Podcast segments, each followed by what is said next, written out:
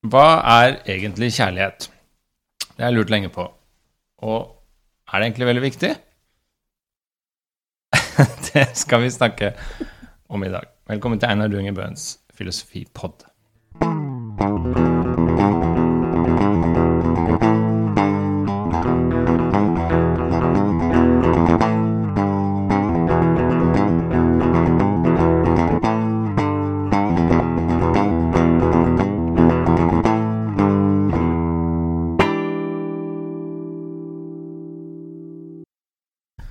Har jeg med meg Dr. Love.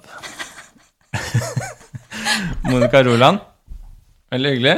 Ja, takk. Ja. hyggelig å være her. Vil du si litt om hvem du er? Ja, filosof, da, sånn Ja. som deg. Ja.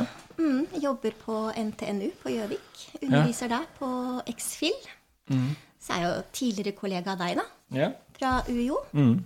Jeg inviterer bare venner hit. Jeg, Ja, ikke- jeg tar ja. ikke inn fremmede folk. Nei, så, sånn er det. Nei, jeg tok jo doktorgraden min der. Vi satt jo sammen på dette senteret. Ja. Center for the Study of Mind in Nature. Ja, Så du var på CSMN, ja? Ja. Mm, jeg husker det. Og da uh, Vi var jo flere år. Vi var jo på turer sammen. Og det Ja, var hadde mange lunsjer Ja. sammen og mange samtaler. Jeg husker jeg kalte deg bare Dr. Love. Ja, du gjorde det. Det er en grunn til det. Ja. Det For- er kanskje det. Du skrev doktorgraden din om kjærlighet. Ja, jeg gjorde det. Jeg skulle jo egentlig skrive om fri vilje. Ja, det husker jeg du skifta. Jeg har skifta. Ja, ja, underveis. Så eh, var jo eh, jeg hadde, eh, det var jo, Hva skjedde? Hvorfor Nei, det var jo veilederen min, da, Olav, som foreslo at jeg skulle skrive om kjærlighet. Og så Det var jeg veldig skeptisk til. For jeg Ja. tenkte at hva i all verden kan en seriøs, analytisk filosof si om kjærlighet? Mm. Er ikke det noe som bare litteraturen kan si noe om? Og, ja. Eh, men eh, så ble det kjærlighet allikevel, da. Ja, det gikk bra, det. Ja, det gikk ganske bra. Hva var uh, enden på visa, holdt jeg på å si? Eh, Hva mener du? Hva altså, jeg kom frem nei, faktisk litt mer. Hvorfor, hvorfor var ikke frivillig noe interessant? Hvorfor var kjærligheten mer interessant plutselig?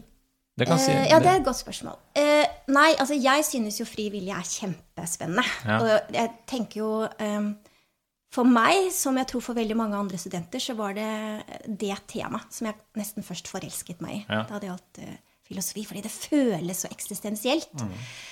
Har gått rundt hele livet og tenkt at jeg er et fritt menneske. Og plutselig så kommer jeg på universitetet, og så sier noen filosofer at jeg ikke har fri vilje. Hva i Mm. all verden? Um, så det er jo et sånt tema som engasjerer studenter veldig. Um, og det engasjerte meg òg. Um, og en av mine favorittartikler og, og, og favorittfilosofer fortsatt er jo Harry Frankfurt og hans vi. glimrende Ja. artikkel.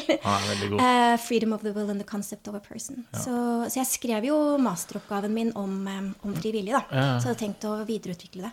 Så den artikkelen er en av dine favoritter. Jeg skal faktisk lage en episode med Håvard Løkke om den artikkelen. Ja, den er helt fantastisk. Mm, jeg er enig. Burde jo nesten veldig- ha invitert meg også. Ja, ja, ja. Mhm. Den er veldig Den er veldig Jeg er enig, den er veldig bra. Har Ja. vært, den har påvirka meg veldig også. Ja, nei, meg også. Det skrives jo ikke sånne filosofiartikler Han lenger. er veldig kul filosof. Han har jo lest mye Sauter og sånn, også uten at han snakker noe om det, for du, du ser det skinner gjennom det. Han har lest mye eksistensialisme og sånn, som, som han på en måte skriver ut veldig sånn analytisk. Ikke sånn veldig for mange andre, men i forhold til dem. Ja, men så er det jo en helt fantastisk måte å skrive på. Som, man får ikke lov til å skrive sånn lenger når man Mm. skal eh, publisere i, i tidsskrifter lenger. For den, er, den, er, den tar opp utrolig hva skal man si, dype eksisten- eksistensielle spørsmål, men den er fortsatt veldig åpen. Ja. Um, sånn at det er, det er jo veldig mange som har latt seg inspirere av den Mm. artikkelen. Og det er skrevet mange artikler som en respons på den. da. Savner du det litt i filosofien? At artiklene er litt mer åpne? Ja. Ja, jeg også har begynt å gjøre det mer og mer jo eldre jeg blir. Altså, alle skal liksom veldig sånn rigorøst forsvare en konklusjon, men å ha litt sånn åpne problemstillinger er ganske Ja. forfriskende. Altså, nå liker jeg jo også selvfølgelig å skikkelig nerde med et argument, da. Ja, Um, men det er eh, også noe veldig fint når ting er åpent. jeg er enig. Han har skrevet mye om kjærlighet òg, Ja. Frankfurt. Det har det han har gjort. Mm. 'Reasons of Love', er det ikke en bok? Jo. Uh, så det er en bok om kjærlighet. Og før det så Han har jo, en sånn, han har jo flere antologisamlinger, da, men den eh, 'The Importance of What- We Care About', som også den eh, artikkelen vi nettopp nevnte, er en del av, så skriver han jo veldig mye om em, betydningen av det å bry seg om noe. er jo knyttet både til ja, fri vilje og mening, Ja, som du er opptatt det er av. jeg Ja, mm, ja. Og bare det å være en person, da. Mm. Så ja, da er det masse snacks å ta tak i. Ja, men han er kul. Det er, vi burde jo ikke begynne å snakke om han. Vi skal jo snakke om noe helt annet. Ja. Ikke helt annet, men en annen person. Vi skal snakke om en bok om kjærlighet som du aldri hadde lest før jeg spurte deg. Mm. Og så har du skrevet doktorgrad om kjærlighet. Ja. Er ikke det litt pinlig? Nei, det syns jeg ikke. Nei, altså dette er jo en klassiker. Erich Fromm om kjærlighet. Ja. Det er en klassiker fra Når er den fra? Det glemte jeg å sjekke. 1956. 1956. Mm. Han er vel en uh, tysk-østerriksk Hva er han? Tysk eller østerriksk? Har du gjort researchen din? Jeg har ikke gjort det. Eh, jeg, tror du er, jeg tror du er i nærheten. Ja, ja. Mm. Jeg har bare lest boka, jeg. Avslørt akkurat mitt svake punkt. Kun lese boka, glemme konteksten. Men ja, nei, altså han er litt sånn psykoanalytisk opptatt. Han er litt sånn Freud-inspirert. Ja. Men uh, en veldig klassiker om kjærlighet. Ja. Den skal vi snakke om i dag. ja, nei, jeg har jo ikke lest den før uh, heller. Det er jo mange bøker om kjærlighet jeg ikke har lest, da. Vil jeg bare understreke. Ja. Mm. Hva var konklusjonen din i doktorgraden, egentlig? Finnes det kjærlighet? Vi må jo anta at det finnes Ja, ja. kjærlighet. Eh, nei, jeg forsvarte jo en eh, slags teori om kjærlighet som eh, en moralsk emosjon, og som eh, mer rasjonell enn det kanskje Ja. Så det er en emosjon vi, emosjonell tilstand vi havner i, som har moralske føringer. Ja, men jeg tenker jo at kjærlighet er, det er et veldig komplekst fenomen. Mm. Så det trenger ikke bare være en emosjon. Vi kan godt kalle det en dyd også, f.eks. Mm. Um, eller en evne, da. Og veldig ofte når vi snakker om eh, kjærlighet, så snakker vi jo kanskje også om kjærlighetsrelasjonen. Ikke Mm. Når vi snakker om at den kjærligheten den er så vanskelig, så er det jo relasjonen som kan være vanskelig. Ja. Ja. Så det, selv om kjærlighet um, også er en emosjon, så Ja. tenker jeg at det kan referere til andre ting også. Ja. Så er det veldig viktig sånne enkle skiller, kanskje, bare før vi begynner å sånn skille mellom den type erotisk Altså kjærlighet brukes jo veldig forskjellig etter ordet. Ja. Eh, Sånn storm, kjærlighet ved første blikk. Ikke sant? Sånn, litt sånn stormende forelskelse. Ja, nå snakker du om den romantiske Ja, kjærligheten. så mm. skille mellom en del sånne ting, da. Ja. Altså den litt sånn stormende forelskelse, den, den, den litt sånn hotte, kokende eh, følelsen som kan oppstå fort og brutalt, eh, versus den litt sånn lengre kjærligheten som varer over tid. Ja. Vers, eh, og, men også kanskje skille mellom dette mellom kjærligheten du har overfor en partner, Mm. versus kjærligheten overfor familien din og foreldra dine, versus kjærligheten overfor barna dine. Mm. Kanskje eh, litt andre typer kjærlighet, da. ja, venner. Altså, Venner er veldig viktig. Broderlig kjærlighet. Mm. så, og en, en type kjærlighet da Eller det du har nevnt nå, er jo kjærlighet vi har til andre mennesker. Men Ja. man kan jo ha kjærlighet overfor katten sin også, for eksempel. Eller, Apropos, eh, Selina, ja, Selina ligger ved siden av oss. Katta Hun mi. må jo bli introdusert. Ja, Selina Kyle er med i dagens episode. Hun Ja. ligger ved siden av oss. Ja, nei, men, eh, Og som eh, Jo From også snakker om, da, kjærlighet til Gud. Det er jo Ja. uh, veldig mange mennesker som uh, vi trygt kan si elsker en gud. Mm. Man kan vel også føle en kjærlighet til filosofi, f.eks. Ja. Ja. Ja. Den siste har jeg vært litt opptatt av når jeg skriver mening. da. Denne type sånn kjærlighet til et prosjekt. Ja. Altså Når jeg står og tegner, så er det ikke meg jeg tenker på. ikke sant? Det er, det er kjærligheten til tegningen. Jeg skal lage Ja. en bra tegning. Ja. Så det er på en måte en sånn altoppofrende relasjon til et produkt som er en del av en tradisjon. Mm. Og da er det jo på en måte kjærlighet til kunsten som egentlig driver. Mm.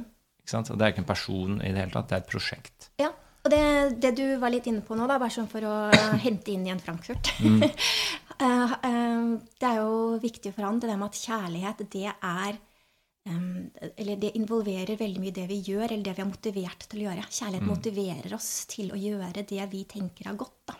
Ja. Det er liksom den moralske dimensjonen i det. Ja, han vil jo kanskje eh, Eller han vil helst ikke si at kjærligheten din er moralsk, men, men det er en annen sak. Men, men jeg tenker jo at, at det er en del av det. Ja. Så hvis jeg, du er jo proff på det her, ikke sant? og så er jeg amatør på dette temaet her, så nå skal jeg trekke opp noen sånn hovedkategorier, se om du er enig. For jeg liker å forenkle litt ting, da. Ja. Og da tenker jeg det er noen sånn to, tre, fire sånne hovedkjærligheter som er viktigst. Ja. Eller som er gode å skille fra, men ikke blande, da. Ja. Og den ene er den der forelskelsen. Den er ikke, det kaller ikke jeg kjærlighet. Nei, de fleste filosofer vil jo ikke kalle det kjærlighet. Nei, det kaller jeg en form for galskap. Galskap. Ja. Ja. Mm. Så den er ikke med. Det der at du har skikkelig lyst på noen, liksom, et lite øyeblikk, den er ikke med. Samme hvor forelska du er. Men eh, hovedkategorien er kanskje litt sånn aristotelisk, tenker jeg. da. Det er liksom vennskap. Det er en form for kjærlighet. Du har overfor dine beste venner. Mm. Og så er det barn-foreldre-relasjonen, som er en annen type kjærlighet. Mm. Og så er det den romantiske kjærligheten som varer litt, den derre partnerkjærligheten som du på en måte har til for mitt vedkommende i hvert fall, da, til det motsatte kjønn, og som varer ganske lenge, og som du må investere litt i og sånn. Den type kjærlighet. Og den er litt annerledes enn de to andre. Vennskap, eh, kjærlighet, eh, altså vennskapskjærlighet, partnerskjærlighet og foreldrekjærlighet er tre forskjellige typer kjærlighet, sånn jeg ser det, da, som, har litt, som er litt forskjellig. Og så er det den kjærligheten til prosjekter. Mm, jeg kan være enig, men jeg vil jo si at uh, Så da har vi fire. Ja, minst, da. Men det er jo familiekjærlighet er litt sånn større kategori av foreldrekjærlighet. Ja, For du ja. kan jo definitivt uh, ha kjærlighet overfor søsknene dine, for Ja, blod er tjukkere enn vann-aktig. Eller uh, Ja. nevø og nieser og, og den type ting. Ja, for Det som er så interessant synes jeg, med den foreldrekjærligheten, da, det er jo den der når jeg har kjærlighet overfor mine barn, så er det for meg et eksempel på litt sånn den, Det er det nærmeste jeg kommer en ubetinget kjærlighet. Ja. Altså, ikke sant? Når du er sammen med en dame, da, Mm. og er gift med en dame, så er jo den dessverre betinget på Mm. en måte. Altså, det er begrensa hva partneren din kan gjøre og oppføre seg før det blir slutt. ja. Før kjærligheten blir på en måte litt brutt og ødelagt. Ja, jeg skjønner hva Så du den er betinget. Men det er mye mer barna mine kan gjøre før den kjærligheten kuttes. Så to ting jeg vil si til deg, da. For Mm. det er jo interessant at du sier at uh, din kjærlighet til dine barn er ubetinget. Fordi From vil jo si at en fars kjærlighet til Mm. Ja, barna sine. Ja, nettopp er betinget. Så det kommer vi jo tilbake til. Ja. Uh, det jeg vil si, er at all kjærlighet er betinget. Alt. Ja. Ja. Eh, men, men jeg skjønner hva du sier når du sier at kjærligheten til barna dine er ubetinget. Men den er jo betinget av at de er barna dine. Ja, sånn, ja. Ja. ja, ja. Ikke sant? Sånn at eh, det er jo ikke helt uten kontekst. Og det er jo det som også um, jeg har skrevet litt om, da, at man, dette med grunner for kjærlighet. At grunnen altså Både forklaringer, men også de grunnene du har, du kan oppgi for at du handler på den måten overfor akkurat disse menneskene, er de er barna mine. Ja. Ja. Ja, altså alt er jo betinget sånn til slutt. Jeg er enig i det, Ja. faktisk. Det hadde vært veldig rart for eksempel, om en vilt fremmed person hadde kommet opp til deg på gata og sagt Einar, jeg elsker deg, jeg vil gjøre hva som helst. med Ja. deg». Da hadde du blitt ganske livredd, tror jeg. Det skjer rett som det er. det. Ja. ja, nei, altså, det er, jeg er enig i at alt er betinget sånn. Jeg tenker mer sånn at den er mindre sånn betinget av sånn dagligdagse ting enn mange andre, da. Ja. Jeg tror både familie og Altså, jeg tror eksempel søsken, partnere, kusiner, fetter Alt sånn brytes nok før. Eh, så hvis de gjør noe Ja, enig. Er Altså, barna mine kan gjøre mer, jeg vil fortsatt besøke de i fengsel, på en måte. Ja, ja. Ja. Så jeg skjønner på en måte når sånne drapssaker og sånn, så er foreldra står ved barna sine og besøker det sånn. Jeg skjønner det, da. Ja. For det er en slags mye mer ubetinget form der enn det er når, hvis f.eks. partneren din hadde gjort det. Ja, og hvis du fortsatt da besøker og er med og sånn, og så er det en helt sånn horribel drapsperson, så blir det noe rart med deg. ja, ja. Men det blir ikke det på samme måte når du gjør det med ungene dine. Nei, og, og det er jeg enig i. Og så tenker jeg relasjonen den andre veien er også veldig sterk. ikke sant? Sånn at um, det å, den kjærligheten man har til foreldrene sine, uansett da, hvor um, problematisk det forholdet er, så er det Det er forståelig at uh, mange kutter det båndet. Ja. Men det er også forståelig at de fortsatt har eh, en slags kjærlighet for foreldrene sine. Til tross for det. Jeg tror ikke vi kan liksom komme og, med en sånn moralsk pekefinger og si at det burde du ikke. Fordi det er et bånd som bare er veldig sterkt. Ja.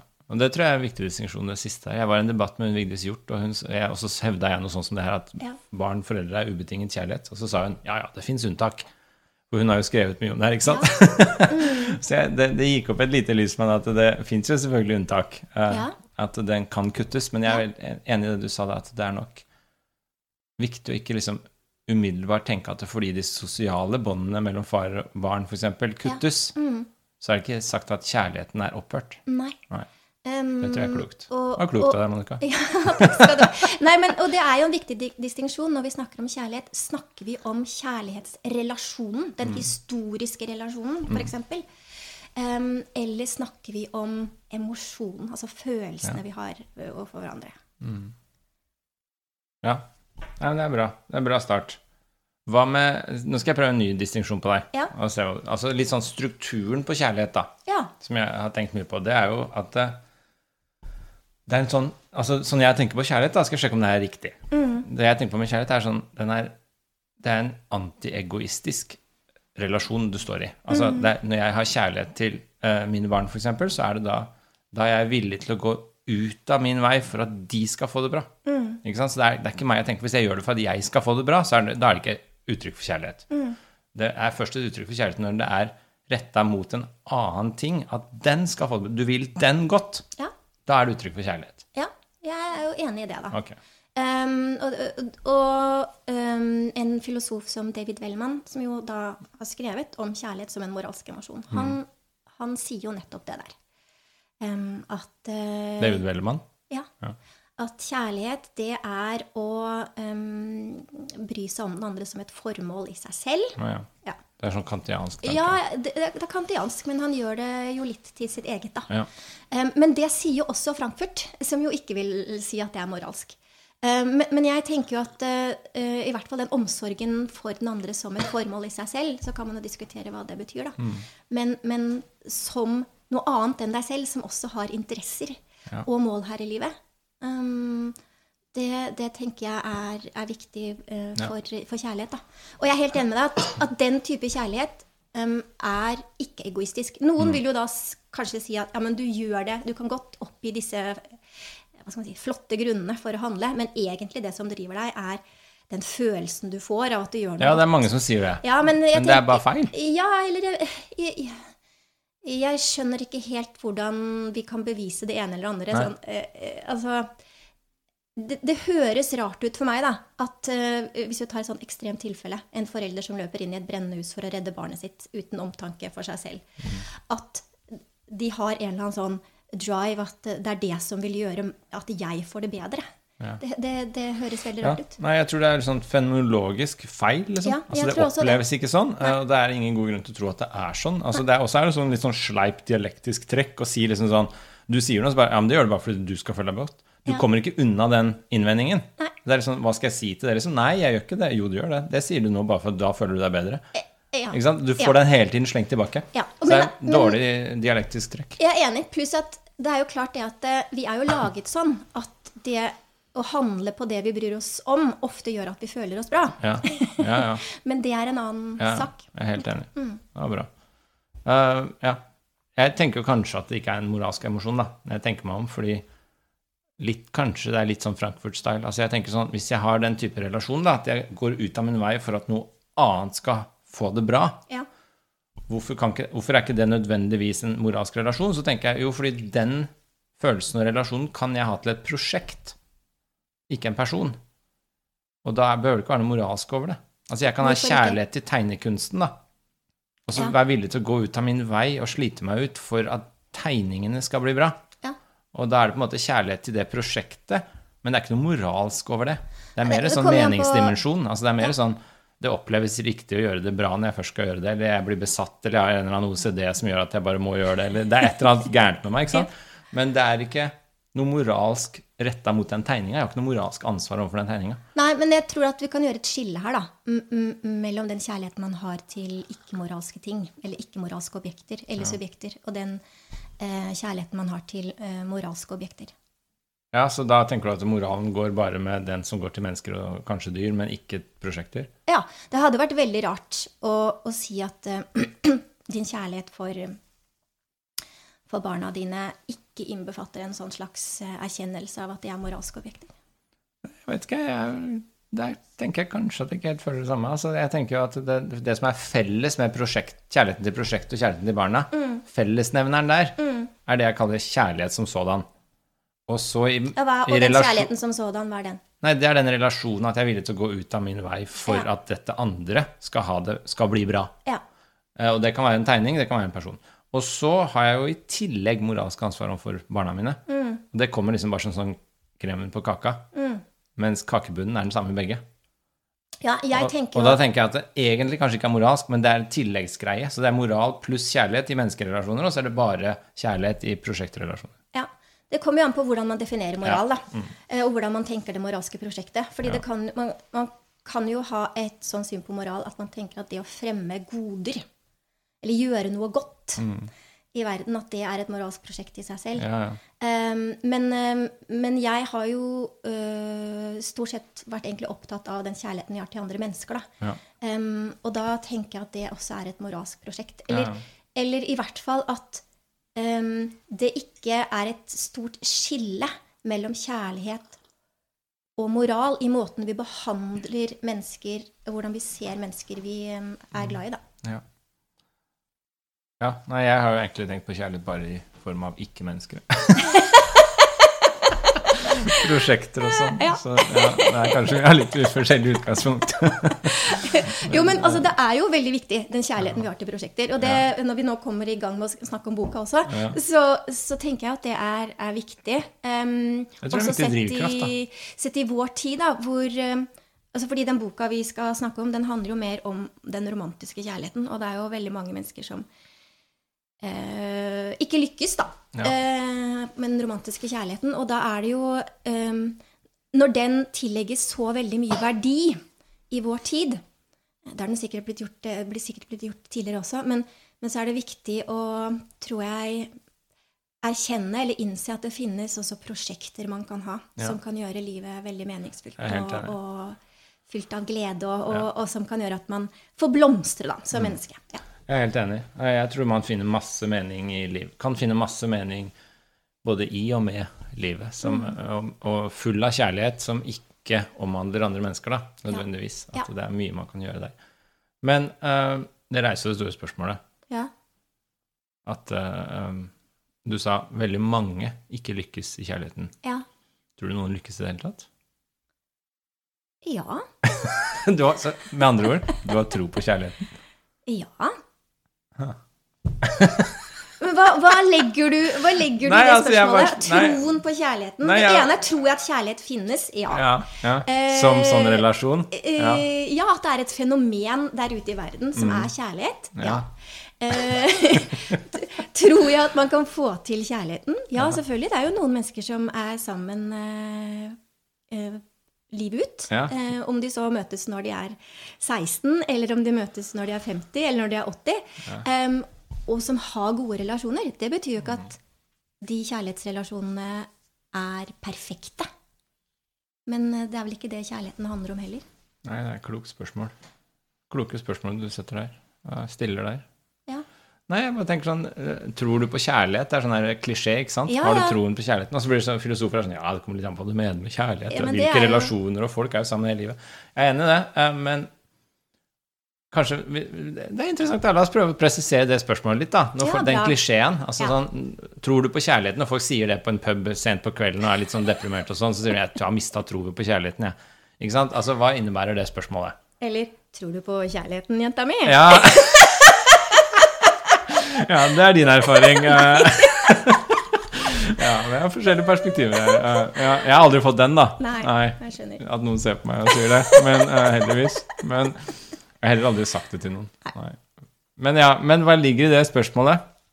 Altså, tror du på kjærligheten, eller jeg har mista troen på kjærligheten? Hva ligger i sånne spørsmål? da? For det er jo sånne spørsmål folk stiller seg. Ja. Det er liksom det store spørsmålet. Det er liksom sånn på slutten av kvelden når alle er slitne og alt har gått til dunda, eh, ad undas, så er det sånn Hva er egentlig meninga med livet? Og så er det sånn Har du tro på kjærligheten? Det er liksom de to som står igjen. ja. Det tenker jeg er de to store spørsmåla egentlig for mennesker. er det ikke det? Jo, det vil jeg tro. Jeg tror sånn der, Har jeg oppført meg moralsk riktig i dag? Det tror jeg er sekundært. Det er liksom sånn oppskrytt. Det er ikke så veldig viktig for oss. ja, er jeg et godt menneske? Det tror jeg Ja, jo det kan være viktig for, for mennesker. Men det handler mer om liksom Har jeg hatt et godt liv? ikke sant? Da blir det litt større, da. Jeg tror Ja. det bare fokuserer på moral. Det blir for snevert. Ja. Det blir for grovkorna. Du må ha en retning, du må ha noe mer, da. Eh, Ja. Og kjærlighet og mening er vel det som står igjen, er det ikke? Ja, det er ikke så rart, det. Og jeg har jobba mye med mening, så nå skal vi jobbe litt med kjærlighet. Ja. Hva ligger i spørsmålene? Hva tenker vi ligger i spørsmålene når vi sier sånn Har du troen på kjærligheten? Ja, det var jo det jeg prøvde å svare på i sted. da. At jeg, at jeg sier at eh, ja, jeg, har, jeg tror at det er noe som er kjærlighet. Og så kan vi Men jeg syns svaret ditt var så wishy-wishy. Det må liksom Nei, men det kan, konkretisere det litt. jeg tenker at det kanskje vi kommer frem til da, når vi begynner med boka. Ja, okay. Hvis vi noen kommer til den. Ja. Uh, og det andre er men, men det man jo veldig ofte mener, tror jeg, når man stiller det spørsmålet, det er det der eksistensielle. Uh, eh, eller det som faktisk har med det virkelige livet å gjøre. Ja. Har du gitt opp å finne kjærligheten? Har Ja. du gitt opp å finne noen? Eller, eller kanskje du er i en relasjon, men bare tenker at nei, det der kjærlighetsgreiene, det er jo bare et sånt uoppnåelig ideal. Ehm, vi mennesker er ikke sånn. Vi er eh, slemme mot, mot hverandre og kommer med sånne stikk og Nei. Den, Ja, for det er litt uoppnåelig ideal, jeg tenker Ja. kanskje, da. Altså når, man sier, når folk sier sånn 'jeg har mista troen på kjærligheten', så har de mista liksom De har ikke mista troen på at det fins relasjoner mellom mennesker, Nei. og at du er venner med noen og uvenner med andre. Men, eller at du liksom er glad i unga dine. Det er ikke det man mista troen på, men det er ofte den derre troen på dette idealet om at det fins en partner som matcher deg, sånn at kjærligheten bare er der livet ut, og liksom det var den ene, the one and only. Den er der ute, det gjelder bare å finne den. Ja, Den klisjeen, den har jeg kanskje ikke så veldig tro på. Jeg tror Hvis du hadde vokst opp et annet sted i et annet land, så hadde du funnet en annen enn der som kunne funka like godt. ja, Og ja, dette er jo litt deprimerende å tenke på, at eh, den du kanskje er sammen med, da, er, en, kunne vært bytta ut hvis du bare hadde vokst opp et annet sted et annet tid. Eller du bare hadde vært et annet sted den dagen, så kunne du finne en annen. Altså, jeg Ja, men stopp et lite øyeblikk der. Fordi um, Ja. Det er åpenbart sånn at veldig mange av oss, eller den kulturen vi lever i, har et visst ideal ehm, som gjelder for kjærligheten, og som eh, vi alle er preget av. Ja. Uh, og dette med det, å finne en sjelevenn, f.eks. eksempel. Men spørsmålet er hva betyr det å finne en sjelevenn? Fordi jeg er enig med deg i at det er ikke sånn som man kanskje tenkte uh, i gamle dager. Og når jeg sier gamle dager, da, sånn eh, 70-80-tallet. ja. For eksempel når man kunne lese sånne romaner i, i, i dameblader og sånn. Ja. At det bare er én person i verden som passer for deg. Ja. For sånn er det jo åpenbart ikke. Um, men denne personen du jo etter hvert deler livet ditt med, hvis du er så heldig, um, er jo unik i den forstand at dere deler denne relasjonen. Sånn at kjærligheten er jo relasjonell sånn sett. Eh, Dere får en historie sammen som du jo ikke har med noen andre, og som jo faktisk gjør da at denne personen er spesielt knyttet til akkurat deg, og du er spesielt knyttet til den ene personen. Så det var det ene jeg vil si. dette er grunnen til at jeg kaller deg Dr. Love. Ja, det andre er, det andre er at jeg tror at når folk kanskje har mistet litt troen da, Ja. på kjærligheten, så handler det ikke bare om det at de har mistet troen på at de skal finne noen, og da finne noen som de forelsker seg i, og som da forelsker seg i de. Det er jo, det er, jo minst to personer her, ikke sant? Ja. Kanskje man også har mistet troen på sin egen evne til å elske.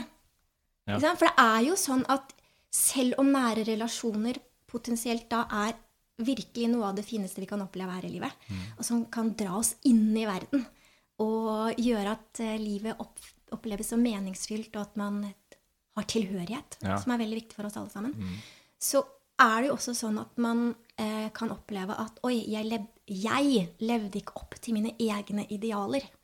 Herregud, der var jeg en vers versjon av meg selv som jeg ikke liker. Der var jeg smålig, der var jeg sjalu.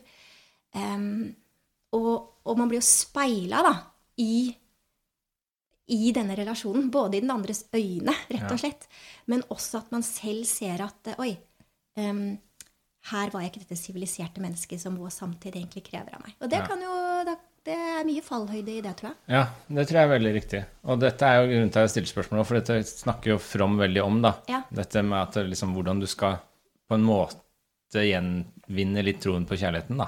Sånn jeg leste det, i hvert fall. Mm. Ja. Så det var litt derfor jeg stilte det nå. Men jeg er veldig enig i det du sier. Altså, det er jo kanskje litt det der idealet om at det bare er en rett person der ute, Mm. som bare du finner den, så går alt bra. Det er kanskje den illusjonen som på en måte svikter og. Ja. vakler. Ja. Uh, Mens kanskje, som du sier, spiller ikke noen rolle hvordan du ender opp i forholdet. Bare du er der, Ja. så kan det på en måte lages til noe unikt og bli en form for kjærlighet som du kan tro på, da.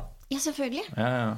ja. Men, men, jeg, men jeg tenker jo at uh, noe av det du sier nå, det uh, tenker jeg, da, hvis jeg skal komme med en sånn slags samtidsdiagnose, em, kanskje gjelder mennesker sånn generelt, ikke bare når det gjelder kjærligheten. Det der med at bare jeg finner denne ene personen, og bare jeg får denne fantastiske jobben, um, og bare jeg trener så mye at jeg får denne nydelige liksom, uh, sommerkroppen uh, 2023 blir det vel nå.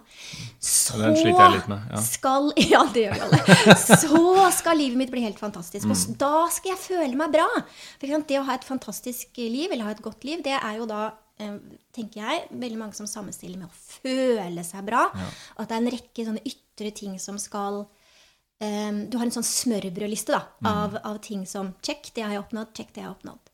Em, Men um, jeg vet ikke, er du opptatt av stoikerne og sånt? For det er jo Nei. eh, noe med kanskje ehm, De er veldig i vinden for tiden. De er veldig i vinden for tiden, ja. Ja, alle snakker om eh, stoikerne ja, hele tiden, Ja, akkurat som de er liksom ja, mm, jeg- Nyoppdaga greie, så er de 2000 år gamle. Ja. Ja. Eh, men kanskje også litt sånn mindfulness Ja, og litt sånn ro, og du skal være Ja. Ehm, Men jeg Altså, har, jeg har stoisk ro, da. du har stoisk ro, Jeg har det. Ja, altså sånn, Hvis det er kriser og sånn, så kan jeg være helt rolig. Ja, er du ironisk nå, eller Nei, det er sant. Helt sant. Jeg, det er jo veldig bra. jeg, er ikke sånn, jeg får ikke sånn panikk, liksom. Altså, jeg, bare, jeg kan bare være helt rolig når det er krise. Ja, det er fint. Mm. Det er jo sånn vi alle gjerne vil like å tro at vi skal være, men jeg tror det er vanskelig å vite før man kanskje er står i en sånn, krise. Men, ja.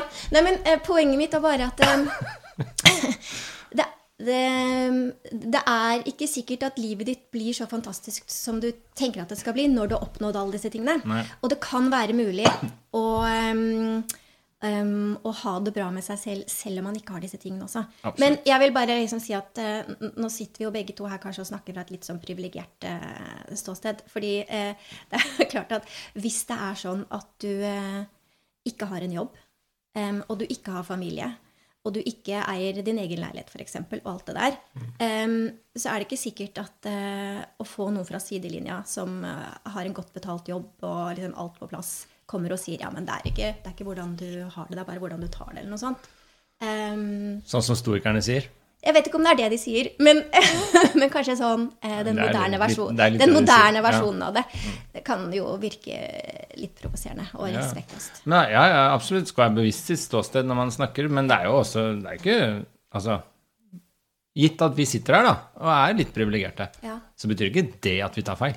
Nei da. Vi kan ha helt rett, og er privilegerte. Tenk Ja, om det, men man, man, kan Det også, man kan også være ikke-privilegert og ha rett. Da. Ja, ikke sant? Så man skal være bevisst sitt ståsted men, og perspektiv, Ja. og hvor du kommer fra.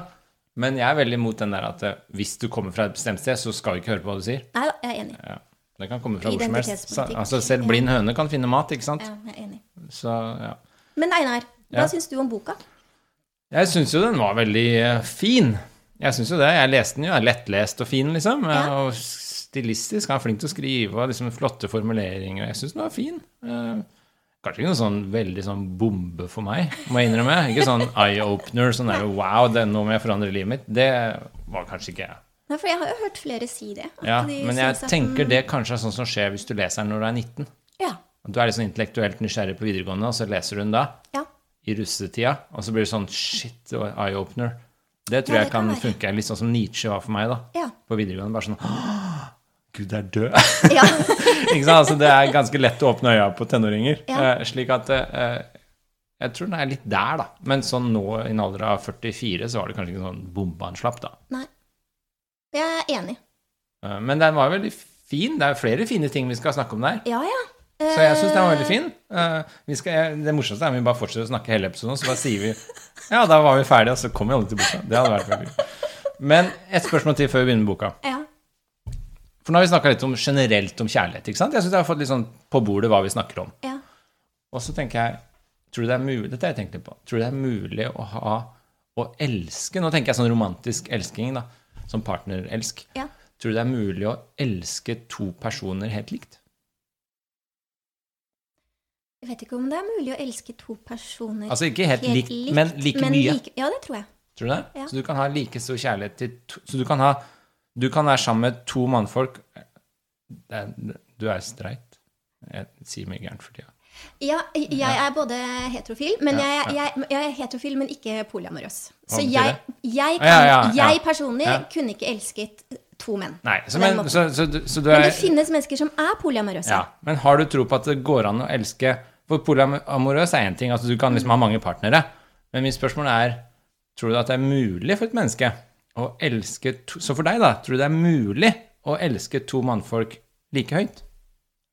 For meg er det ikke mulig, men jeg tror at det er mulig for, For andre? eh, for, eh, for enkelte andre. Jeg tror det er veldig sjeldent. Ja. Ja. Men på samme måte som Altså, jeg har jo Jeg har fem brødre. Og for meg Mm. Du er er eneste jenta i en flokk på seks? ja. Det er røft. Eh, nei, det er veldig fint. Jeg er eldst, så jeg får bestemme. Ok, ja. Nei, jeg bare tuller.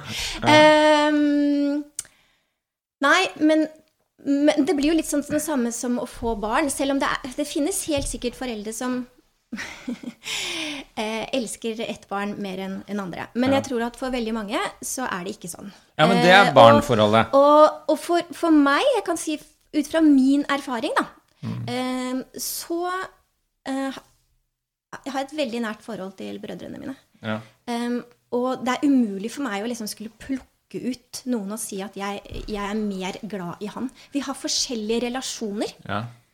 men eh, jeg ville tatt en kule for de alle sammen. ja, nei, det er jeg helt enig i, for nå snakker vi om familierelasjoner. Så jeg har jo tre barn. Tre tenåringsgutter, og jeg klarer ikke å plukke ut én. Nei. Det er helt opplagt. Ja. Forskjellige relasjoner, forskjellige personligheter. Alt er forskjellig. Det er ikke likt. Men kjærligheten til dem er jo like høy på alle tre. Ja. Dette er noe barn ofte ikke skjønner. Når de sier liksom at den ene er favoritten, og sånn, så er det bare tull. ikke sant? Det handler mer om sånn i noen kanskje litt sånn dynamikk i hva du snakker om og sånn, men det er ikke noe med kjærligheten å gjøre. Den er ganske likt. Men jeg tenker på sånn partner, jeg nå. Altså, kunne jeg skaffa meg to damer og vært gift med to damer og elska de begge like høyt? Det er det jeg har litt større tvil om. Fordi jeg tror når det kommer til den type kjærlighet, så er det snakk om at den er litt sånn Sånn som From også kommer til, da. Altså det er litt sånn go all in-greie. Og jeg tror ikke jeg klarer Jeg tror ikke det egentlig er mulig å gå all in for to. Det er litt det jeg tenker på. Ja, Det er litt som å gå all in for å bli maler og syklist. Altså, du klarer ikke. Du må fokusere all in på én av de. Det er litt sånn jeg tenker den ultimate kjærligheten. Jeg skjønner Da. det du sier, og for meg eh, virker det også veldig, veldig vanskelig å få det til. Men eh, jeg tror jo også at vi må ta på alvor det andre altså polyamorøse mennesker forteller om. Og hvis det er sånn at de øh, opplever at det er mulig, Ja. eh, Nei, jeg er enig så, i det. så, så, så, kan det jo, så kan det jo være mulig. Det Ja, er det jeg mener. Ja, ja. Jeg vil ikke avfeie deg, men jeg du er litt mer forståelsesfull enn meg, du. Eh, ja, kanskje. Men, men, men la meg bare si, da. Den romantiske kjærligheten og forelskelsen selvfølgelig også, den er jo um, Den låser seg jo veldig til én person. Ja. Ehm, så, sånn er det nok for de aller, aller fleste av oss. Men si at det fins minst ett menneske, da. Som uh, har to eller tre um, Ja. partnere som vedkommende um, elsker like høyt, da. Så, så tror jeg jeg, jeg tror det er mulig, men jeg tror også det er veldig vanskelig å få til. Ja. Og jeg, uh, også sånn i det praktiske liv, da. kan jeg tenke meg. Og så må du velge en, ikke sant? Og- På et tidspunkt så tenker du hvem skal jeg gå til nå? Du må velge en. Ja, da er det kanskje heller litt mer mot den ene eller den andre. Det er vanskelig å tenke at det er helt likt. Ja, men det er det Altså, jo dette skiller jeg fra polyamorøs. Altså, jeg skiller det fra de Jeg kunne Altså, jeg Det kommer litt gærent ut. Jeg kunne Nei, det kommer også gærent ut. Jeg kunne, jeg kunne hatt flere damer, da. Ja. Og sånn sett vært polyamorøs. Det kan jeg se for meg. ja, men du tenker nå på seksuelle relasjoner og Det er bare sånn jeg kunne vært gift med fire damer, liksom. Altså, la oss si det. Flere koneri. Ja. Kunne hatt fire damer, gift med alle fire, Ja. bodd under samme tak med alle fire. Ja. Tror jeg kunne funka helt fint. Ja. Det er ikke det. Men jeg, så det, det polyamorøse kunne bare vært moro, det en stund. Sikkert slitsomt i lengden, vil jeg tro, når du begynner å krangle med alle fire og sånn. Men altså, jeg tror det kunne funka ganske mye greiere enn den ideen om at jeg skulle elske alle fire like høyt. Ja. Jeg tror Jeg, en- jeg skjønner det. Ja. Ja. Men jeg tror allikevel at det finnes minst én person som kunne fått det til. Ja. Nei, vi får være åpne for den muligheten. Du får invitere noen polyamorøse en gang, og så kan de snakke om det. Ja. Ja. Ole Martin eh, Moen og jeg snakka litt om det i Bibelpodden. Ja. Nei, vi får uh... Som jeg liker veldig godt. Ja, hyggelig. Mm. hyggelig, hyggelig. Nei, det, men jeg bare det er et interessant spørsmål. Jeg har tenkt litt på det. Det er én ting jeg har tenkt litt på, og så er det dette med Det er noe helt annet, da. Jeg skal ikke gå inn på det nå, for vi kommer aldri med i boka. Men jeg har også tenkt på det derre arrangert ekteskap. Ja. Det har jeg blitt litt mer positiv til. ja. Altså ikke, tvangsekte, ikke tvangsekteskap, men det at det liksom, familien hjelper deg å finne en partner og sånn. Nei, altså, jeg snakka litt om det i helga på et seminar også. Jeg tror, jeg tror det kunne funka for mange, da. Ikke for alle, men Ja. for noen kunne det funka ganske greit. At det liksom, noen tok seg av det litt. For det er mange, som du sa, som sliter med å finne forhold og partner og sånn. Altså, denne vestlige ideen om at ekteskapet skal være basert på denne stormende forelskelsen som går over i langvarig kjærlighet, Ja. det er jo et risikoprosjekt. Det er å Ja. satse ganske mye på én hest. Eh, Ja, jeg er helt enig. Eh, og det Um, kan være statistisk sett at det lønner seg litt å kanskje være åpen for at den ekteskapelige kjærligheten er noe annet enn den stormende forelskelsen som det har vært i hele menneskets historie opp til vår tid. Ja, eh, jeg er enig med deg. Ikke sant? Det er en viktig distinksjon. Eh, Tvangsekteskap er noe annet. Mm. Arrangert eh, ekteskap. Er, er noe helt annet. Um, og, men jeg vil bare presisere, fordi um, det du snakker om, at vår vestlige kultur ikke sant, handler om at man skal oppleve denne stormende forelskelsen. Mm. Men det handler også om liksom, individets rett til å velge. Ja. Så vi har jo en veldig sånn individfokusert Ja. uh, kultur, hvor det er individets rett til å velge. Uh, men det er, uh, er sånn at um, eh, Som du påpeker, at sannsynligvis i det meste av vår historie Nå har vi jo en 200 000 år lang historie, da, så det er vanskelig å vite hva som har skjedd Ja. i, i mange, mange av de tusen årene. Men, men at familie eller foreldre eller klan i en eller annen forstand har vært mer involvert. da. Ja. Um, og det var en sånn interessant studie fra Hellas og Kina som um, annet understreket det at, at uh, Eller de hadde en hypotese om at en av forklaringene til at en god del ikke lykkes med kjærligheten, er fordi vi, eller en stor del av oss, har ikke måttet utvikle sjekkeevnene våre. Fordi at familien har stått for det valget. Ja. Um, så det kan jo ligge noe i Men det. derfor da. jeg er så dårlig til å sjekke? Du har jo tydeligvis lykka, lykkes med det, da. Ja, men ja. er Det, noe- hold, det holder med den ene gangen, Ja, ikke sant? det er sant. Det, Ja. det hjalp, det. Ja. Ja. Um, men ja, jeg er enig. At, uh, og det trenger ikke bare være familien som, eh, som hjelper til. Da. Kan jo være Ja, ja, venner. nei, ikke ja, sant? men uh, bare sånn er altså, kommer det an på foreldre og sånn. Er foreldra dine bedre personer enn andre foreldre, så kanskje de lykkes bedre. ikke sant? De, altså det er alltid, Gode folk lykkes jo bedre når de skal gjøre et prosjekt. Er du god til noe? Ja. Men jeg tror f.eks. at mange foreldre kjenner unga sine godt og sånne ting, og kan lykkes godt med å finne en partner som matcher de sånn i et livsprosjekt. Uh, hvis de er gode foreldre og kjenner unga sine godt, da. Ja, og, Hvis de har en god relasjon. ja, har gode relasjoner, og det ikke er noe tvang, men at det liksom de hjelper til. Og så Fordi jeg bare tenker på denne stormen og forelskelsen er jo, som vi sa, galskap. Altså da Ja, men den er også er 20 veldig fin, da. Jo, jo, den er artig når det varer, men når du er 20, så veit man jo egentlig ikke hva man driver med. Nei, men man kan jo bli stormende forelsket når man er 40 også. Eller 50. Er det sant? Ja, det kan man. Ja da, jeg vet det. Men uh, jeg, jeg, jeg tenker på liksom Veldig mange begynner jo sine eh, familieliv når de er i 20-åra, ikke sant? Og da er du Ja, nå er antar du jo det som Nå antar du jo det som på en måte har vært standarden, men som Mm. ikke er det lenger.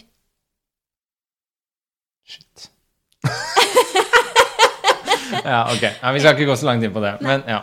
Jeg bare Det er en interessant problemstilling. da. Ja. Det er ikke noe veldig relevant for mitt vedkommende, men jeg synes det er en sånn intellektuelt interessant problemstilling. At Ja. vi har umiddelbart avfeid dette med arrangert ekteskap så mye. Kanskje det skyldes at vi har blanda det med tvangsekteskap og sett mye dårlige eksempler. da. Mens eh, historisk sett så har jo arrangert ekteskap vært veldig viktig for, ja. for å stabilisere både samfunn og familier. da. Mm. Du har gifta deg økonomisk, du har gifta deg inn i riktige slekter. Det har vært mange andre hensyn som har gjort at det Så jeg hørte en som sa at den vestlige ekteskapet er litt sånn som du, du tar en kokende kjele med vann, da, og så tar du den av plata. Mm. Mens det, det, det arrangerte ekteskapet er mer sånn du tar en kald kjele med vann, og så setter du den på plata og skrur på varmen. Ja. Uh, så jeg vet ikke. Ja, jeg vet ikke hva som er verst. Statistisk sett burde man jo kanskje sjekka det sånn over tid. ikke sant? Ja. Hva lykkes best for flest? Ja. Ok, det var en digresjon. Nå skal vi begynne med litt med boka. Vi har jo vært mye inn på det, så det går jo kjappere nå, da. Men Ja, du nå, nå skal vi se på Erich Fromm. Oi, du har masse notater, jo. Altså, sånn leser jeg bøker. Oi, og nå har oi. jeg hørt at du har slutta Ja, å lese bøker sånn. Ja. Så, så jeg har da studentversjonen, da. Ja. Kanskje sånn som du ville ha gjort for eh, Ja. 20 år siden. Ja. Jeg er der Nei, det er veldig bra. Det er jo bra, da. Jeg, ja. Jeg er blitt blasert, jeg. Jeg, bare, jeg har litt gråblyantstreker, da. Ja, det syns jo nesten ikke. Nei, det er ikke Nei. Men Erich Fromm om kjærlighet. Fra hva var det du sa? 1956. Sex. Klassiker. Hva er din eh, Likte du boka? Jeg likte den som passe. Ja, Det var det vi snakka om i stad, kanskje? Ja. Eh, jeg syns jo at den uh, på noen områder er liksom overraskende aktuell. ja, den er det. Ja, det er veldig morsomt. Mm. Uh, og så er den jo på noen områder litt sånn utdatert, da. Ja, du som er snakker om sant, at du er redd for hvordan du skal formulere deg sånn, Ja, om enkelte ting, så er den jo ja, sånn som den f.eks. snakker om homofili, men også kjønnsroller og sånt. Ja. Da. Men det er jo egentlig bare å forvente. Um, Mm. Uh, Syns jo det er et fint prosjekt, det der hvordan kan vi lære å elske på en klokere måte. Ja. Det forutsetter jo da selvfølgelig at det er øh, ukloke måter å elske på, og klokere måter å elske på. Eh, noen ganger så tenker jeg jo at eh, det også i denne boka her blandes litt eh, At man kan si eh, den ukloke måten å elske på er egentlig ikke kjærlighet. um, men det Ja. Men hva, hvis, du, hvis du skal si liksom dette er tesen i boka, dette er hovedpoenget, Mm.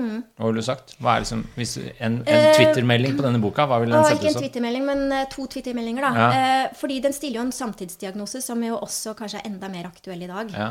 Så, eh, men den snakker jo da om at det moderne eller kapitalistiske samfunnet Mm. Eh, har gjort det vanskelig for oss med kjærlighetsrelasjoner. Universet AS. Ja. Han kalte det. ja, det er veldig bra. Ja. Uh, og at eh, det nå er snakk om et marked. Ja. Apropos markedsverdi, det var jo en Ja. diskusjon om det uh, for et år siden. Um, og at uh, vi nå ser på hverandre mer som en vare, da. Og at det har Mm. gjort det vanskelig med, med kjærligheten.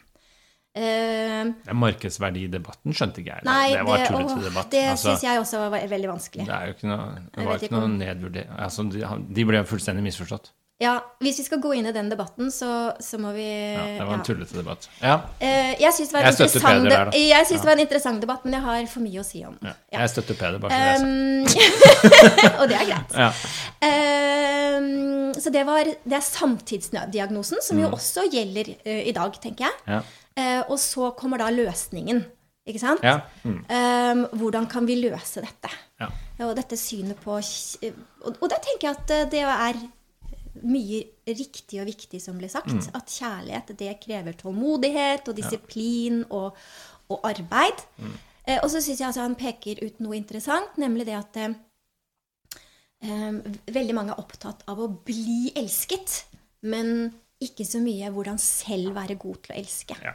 Um, og det syns jeg var interessant, fordi da jeg skrev min avhandling, så var jeg jo som de aller fleste, i hvert fall analytiske filosofer, opptatt av aktøren, altså den som elsker. Ja. Så hva, hva betyr det? Hva er kjærlighet sett ut ifra aktørens ståsted? Eller hvordan må en, en um, kjærlighetsfull aktør være? Um, mens da jeg, jeg skrev en artikkel for Samtiden for eh, Nå husker jeg ikke om det var ett eller to år siden. Nei, ett år siden. Um, hvor jeg snudde mer sånn blikket mot hvordan er det vi ønsker å bli elsket. fordi at det er en så stor del av vår populærkultur. Da. Um, um, og det er jo nettopp det han kritiserer. At vi må ikke være så opptatt av at vi selv skal bli elsket, men heller hvordan, Ja, ja. hvordan blir vi gode elskere. Ikke den seksuelle Ja, ja. forstanden, men, men eh, Jeg likte også det at han sier det handler om å gi mye mer enn om å få. Mm. Eh, Så det er en aktivitet, da. Så hvis jeg skulle oppsummert boka, så er jeg enig i det du sier, men jeg ville kanskje vært enda kjappere og bare sagt én tese i boka, altså hovedtesen i boka da, på en Twitter-melding, ville vært Nå hater jeg Twitter, da. Twitter er det verste sosiale mediet. Det er sånn kloakk kom, Ja. liksom. Men hvis jeg skulle lagt ut en melding på Instagram, da, som er en hyggelig sosiale medier, så ville jeg skrevet at uh, Erich Fromm mener at kjærlighet er et aktivt prosjekt som du må kontinuerlig jobbe med. Og ikke en sånn passiv mottagelsegreie. Ja. At du får kjærlighet, ok, så du får den morskjærligheten fra mora di uten å bidra noe særlig selv. Det er en type sånn kjærlighet som er viktig, da. Men eh, det det er kjærligheten vi har til våre partnere og omverden. da. Den er et aktivt prosjekt som vi må jobbe med Ja, hele tiden. Ja. Og det, det liker jeg. jeg er enig. Da blir det litt mer sånn som den kjelen med kaldt vann du setter på, så skrur du på Ja. varmen, og så må du passe på så det ikke koker over, og så må du passe på så det ikke blir kaldt igjen, så du må ha den på sånn to-tre i stedet for ni etter hvert. Ja. Men så må du guffe litt opp, og så må du ned igjen. Ikke sant? Altså Ja. den litt sånn aktivitet, ja. den likte jeg veldig godt. Det likte jeg med boka, da. Det er jeg enig. At den understreker den biten. At det handler om at vi, vi er blitt for passive, da. Og for Mm. sånn der bare sitte og forvente at dette skal komme. Vi er blitt bortskjemte drittunger, liksom. Vi må, vi må dra opp ermene, ikke armene, ermene, og så må Ja. vi jobbe litt med prosjektet. Ja. Det likte jeg. Ja, og det er jeg enig i. Samtidig så er jo det det er jo et budskap som ikke er ukjent for oss. Ja, ja. At uh, kjærlighet, det krever hardt arbeid. mm. Um, så det er jo et mantra vi hører ganske ofte. Men jeg er enig med deg. Jeg tror at, at det allikevel eh, kan være sånn for veldig mange at dette idealet, da, som er delvis formet av eh, romantiske filmer Ja. og sant, den romantiske fortellingen, at det gjør noe med at, at veldig mange har altfor urealistiske Ja. eh, forventninger til kjærligheten.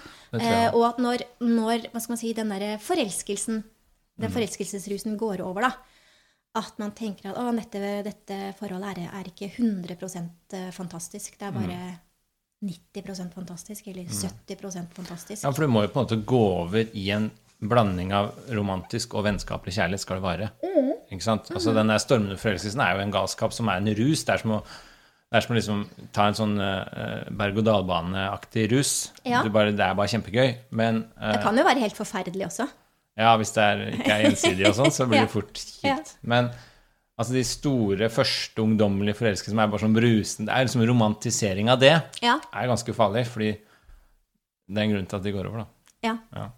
Eh, Og ja, kanskje er det blitt ødelagt. Kanskje har vi blitt for passive fordi vi tror at det er det er idealet. det er det som er idealet. Ja. Men- Men også at hvis ikke den følelsen er der lenger, så er det noe galt. Ja. Um, men det er jo også sikkert mange som bare jakter den rusen, da, ikke Ja, ja. sant? Sånn at det er, det, er, det er den de vil ha. Mm.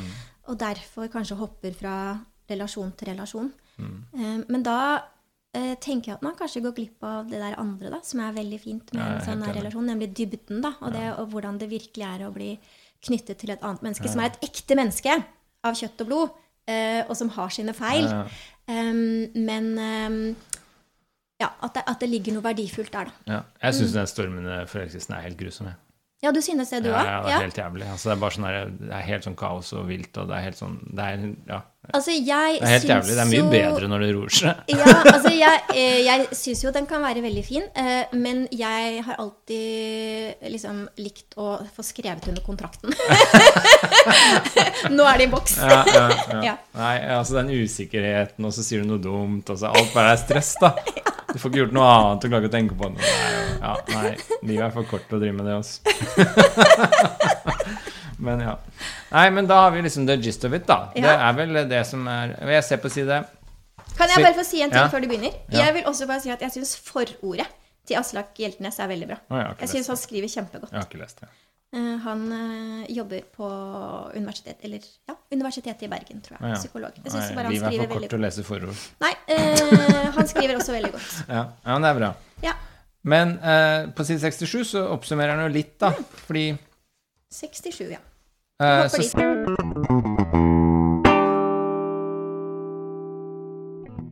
så sier han Ja, for der oppsummerer han de fire tinga som kreves, egentlig. Ja. Altså omsorg. Når du har kjærlighet til noen, da, dette prosjektet som du må jobbe med, Ja. så krever det omsorg for den andre, men også for deg selv litt. Altså du, må, du klarer ikke å leve ut det prosjektet hvis du ikke har også selvomsorg. Nei. Det likte jeg også at han sier eh, senere i boka. Altså det er litt sånn som på flyet når det står 'ta på deg maska selv før du tar på barna'. Ja. Det er jo for at du skal klare å ta på barna. ja. Det er ikke for at du skal tenke på deg sjøl først. Mm. Så det er litt den der du må være i stand til å klare å gjennomføre prosjektet, men også ta nok hensyn til deg selv. Ja, fall ja, Men det krever jo klokskap også, da. Ja. Mm. Så du må ha selvkjærlighet for å klare å elske, sier han. Og det, det likte jeg. Ja. Det tror jeg Jeg, jeg er jo Jeg er delvis enig, men jeg tror også at det er mange mennesker som Det, er, det kommer litt an på hvordan jeg definerer selvkjærlighet igjen, men jeg tror at det er mange mennesker som vi vil oppfatte som at de ikke har så mye selvkjærlighet. At de um, har mange destruktive og negative tanker om seg selv. Ja. At de allikevel kan være i stand til å elske andre mennesker. Ja. Ja. Men, men Men han utelukker vel ikke det. Det er vel bare det at det idealet er vel at du skal klare å Ja, ikke sant? Fordi det er noe med å ha denne Ikke være helt selvoppfrelsen, er det det det heter? Oppofrende. Opp- opp, Selvoppofrende, ja.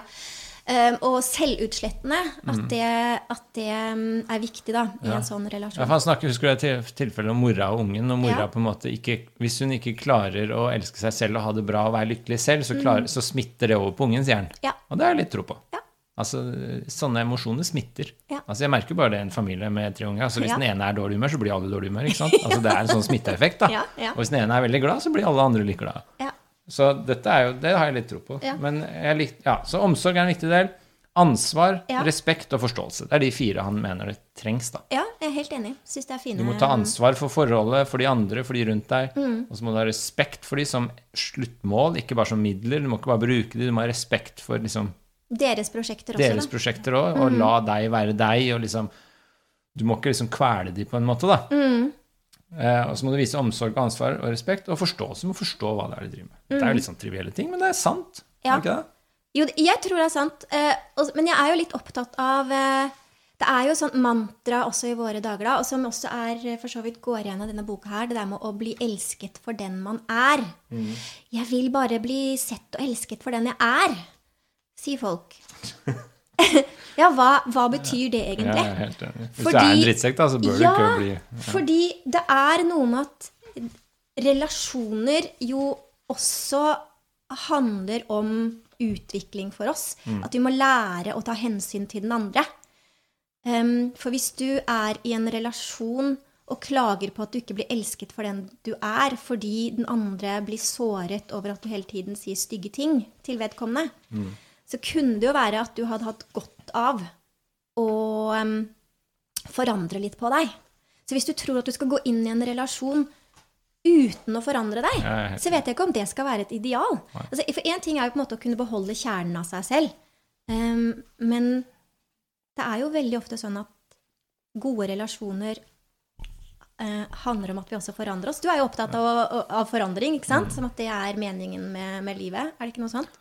Forbedring. Ja. Forbedring, ja. Så hvis vi tenker at forandring i en sånn type relasjon faktisk også handler om at vi kan forbedre oss selv, er helt enig. Um, så um, tenker jeg at vi ikke nødvendigvis alltid skal være så opptatt av at ja, men du må se meg for den jeg er, du må elske meg for den jeg er, du må, du må akseptere absolutt alt ved meg. Fordi eh, igjen, nære relasjoner kan også være en sånn arena hvor vi faktisk tråkker på folk. da. Ja.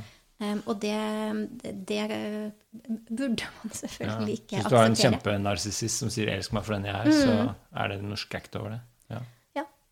Jeg er enig.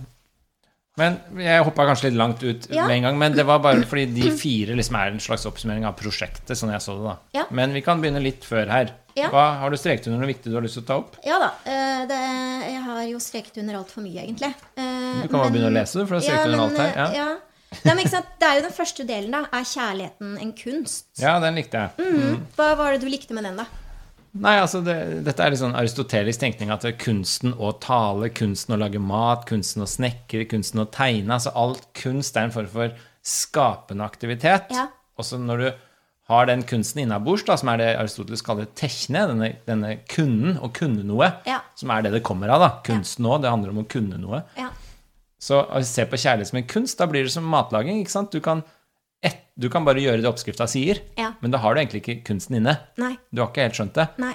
Men når du liksom har, kan oppskrifta og skjønner hvorfor den funker sånn den funker underveis, og hvorfor du skal gjøre det du gjør underveis for å få til resultatet, Ja. da har du skjønt kunsten. Og, Fronesis, den da har du skjønt kunsten å lage mat og sånn. Ja. Og det samme gjelder kjærlighet. Det syns jeg er interessant. Altså sånn, ja, jeg synes det er veldig interessant. Altså, eksempelet jeg liker veldig godt, er jo denne snekkerlærlingen som etterligner mesteren. Du Ja. lager en trapp. Ja. Og så begynner du, og så etterligner du mesteren som lager trappa. Så til slutt så kan du lage en trapp, for du har lært deg oppskrifta. ja. Men du har jo ikke kunnskapen enda, Nei. fordi du bare etterligner. Ja. og Du har memorisert det. ja. Men du oppnår en høyere grad av kunnskap når du skjønner hvorfor du legger trinna sånn du legger det underveis for at trappa skal bli god. Ja. Da er prinsippene bak. Da oppnår du liksom den dyden tekne som Aristoteles snakker om. ja, at du på en måte internaliserer det. Det blir en integrert del av deg. Ja, altså, Men i tillegg så skjønner du ikke bare hvordan du gjør det, men du skjønner også hvorfor du gjør det. Og da har du en dypere forståelse. Ja. Og det gjelder også f.eks. tegning, da, som er alt jeg bruker som eksempel. Ja. Du, du kan etterligne mesteren, men det er først når du skjønner hvorfor du legger lys og skygge sånn, og effektene og prinsippene bak det du gjør, Ja. hvorfor det funker, da. Ja. Det er da du begynner å få liksom kunden, Ja. kunnskapen om å tegne. Enig. Det er da du når mesternivå, da. Eh, Og det anvende den type holdning på kjærlighet er jo veldig interessant. Altså, da kan noen lære seg kunsten å elske. Ja. Når de skjønner hvorfor de skal gjøre det de gjør, og hvordan det funker. Ikke bare liksom etterape idealene vi ser i media og sånn. Ja, enig. Nå, nå fikk jeg sånn bilde. Tenk å, eh, fordi nå, Du introduserte meg som Dr. Love, da, men tenk å bli kalt for Mester Kjærlighet. Det er Don Juan, er det ikke? Men hvis vi mm, Unnskyld. Du vet, Dr. Love, det var et radioprogram da jeg bodde i USA. Eh, på 90-tallet så var det et radioprogram hvor en som kalte seg Dr. Love, var med. da. Det var en veldig morsom fyr, og så var det en doktor. Og så snakka Ja. de om alt sånn, om kjærlighet og sex og sånn. Oh, ja, okay. Det var et veldig populært radioprogram. For han ene var helt sånn derre vill og bare sa masse sånne hårreisende ting, og så han andre var sånn saklig doktor. Ja. Og så den kombinasjonen var veldig morsom, da. Og han, han het Dr. Love, da. Det var veldig morsomt. Det var derfor jeg husker det nå. ja.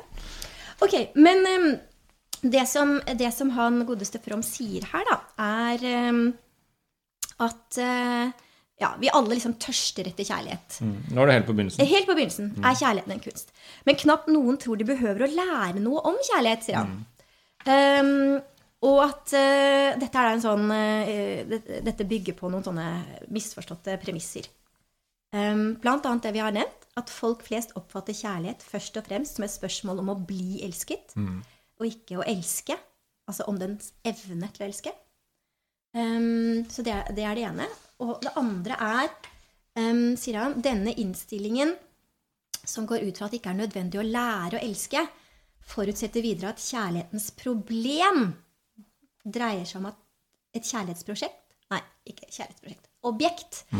Ikke om en evne. Folk tror at å elske er enkelt, mens å finne det rette objektet å elske er vanskelig. Um, og tredje en sånn annen feilkilde sier han, til denne begrepsforvirringen, um, er at, som du har vært inne på, man blander sammen det å bli forelsket med det å elske hverandre. Altså Ja. den innledende fasen med den permanente tilstanden.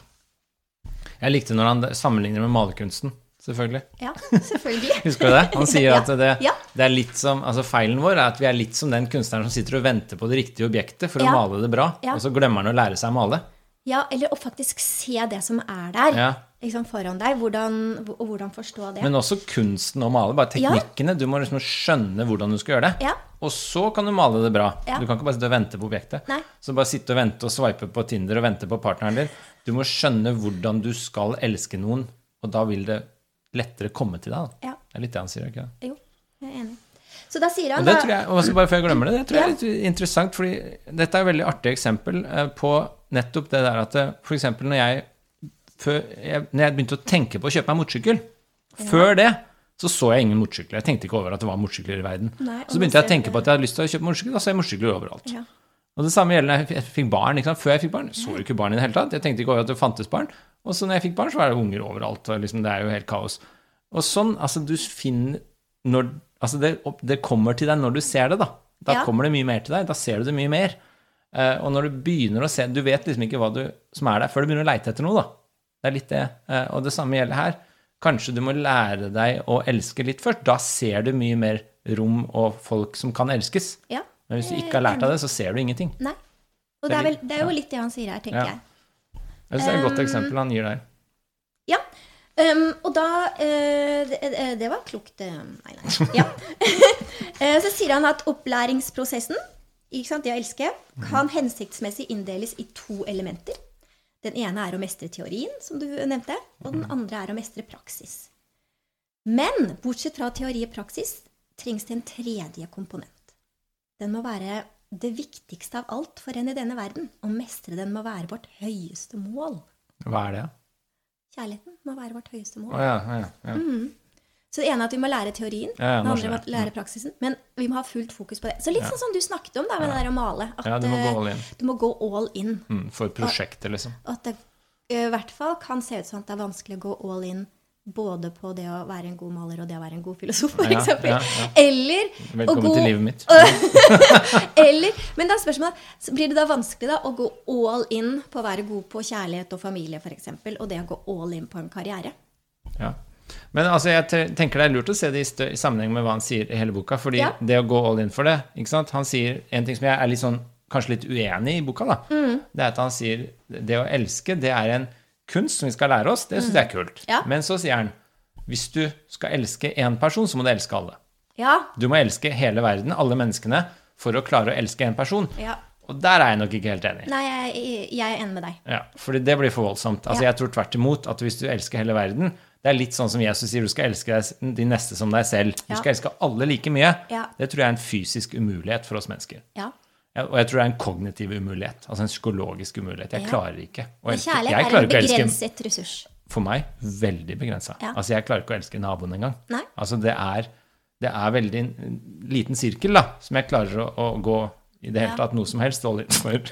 Ja. Slik at det, jeg tror den er litt sånn oppskrytt, og da da Uh, ja, så det, det han sier der i begynnelsen, den er, må ses litt i den konteksten. Ja. Altså gå all in for kjærlighetsprosjektet for han betyr Ja. egentlig å elske alle.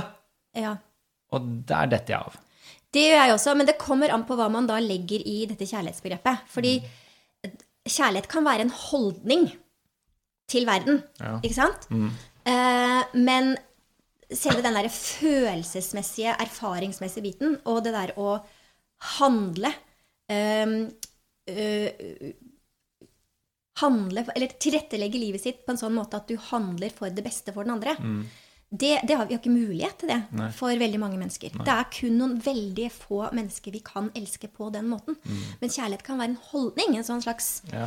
um, altruistisk eller nestekjærlig holdning til andre mennesker, som, som tilsier at du ikke ikke prøver å gjøre livet deres vanskelig, Ja. for f.eks. Uh, litt mer som en sånn slags type moderne respekt. da. Det er jeg faktisk enig i. Jeg tenkte litt av det samme. Altså For å forstå det litt bedre. At vi, Mm. For han ser jo ut til å si at du skal elske alle like mye, og det klarer Ja, jeg ikke. han sier jo det, Men hvis du tenker på det litt mer sånn som du sier, at det, det å lære seg å elske verden, da, Mm. det er et nødvendig krav for å klare å elske enkeltpersoner. Mm. På sånn måte som vi tenker på å elske enkeltpersoner. Så hvis jeg skal klare å elske mine barn, så må jeg på en måte elske livet og verden og meg selv til, nok til at jeg klarer å elske dem på den måten. ikke sant? Ja, er Det tenker jeg også at eh, hvis du har en eh, altså Hvis kjærlighet er en type holdning til verden, en slags åpenhet mot verden Jeg er veldig opptatt om dagen om dette forholdet, eller relasjonen mellom kjærligheten og blikket. Jeg skriver en bok om det, blant annet. Du? Ja. Ja.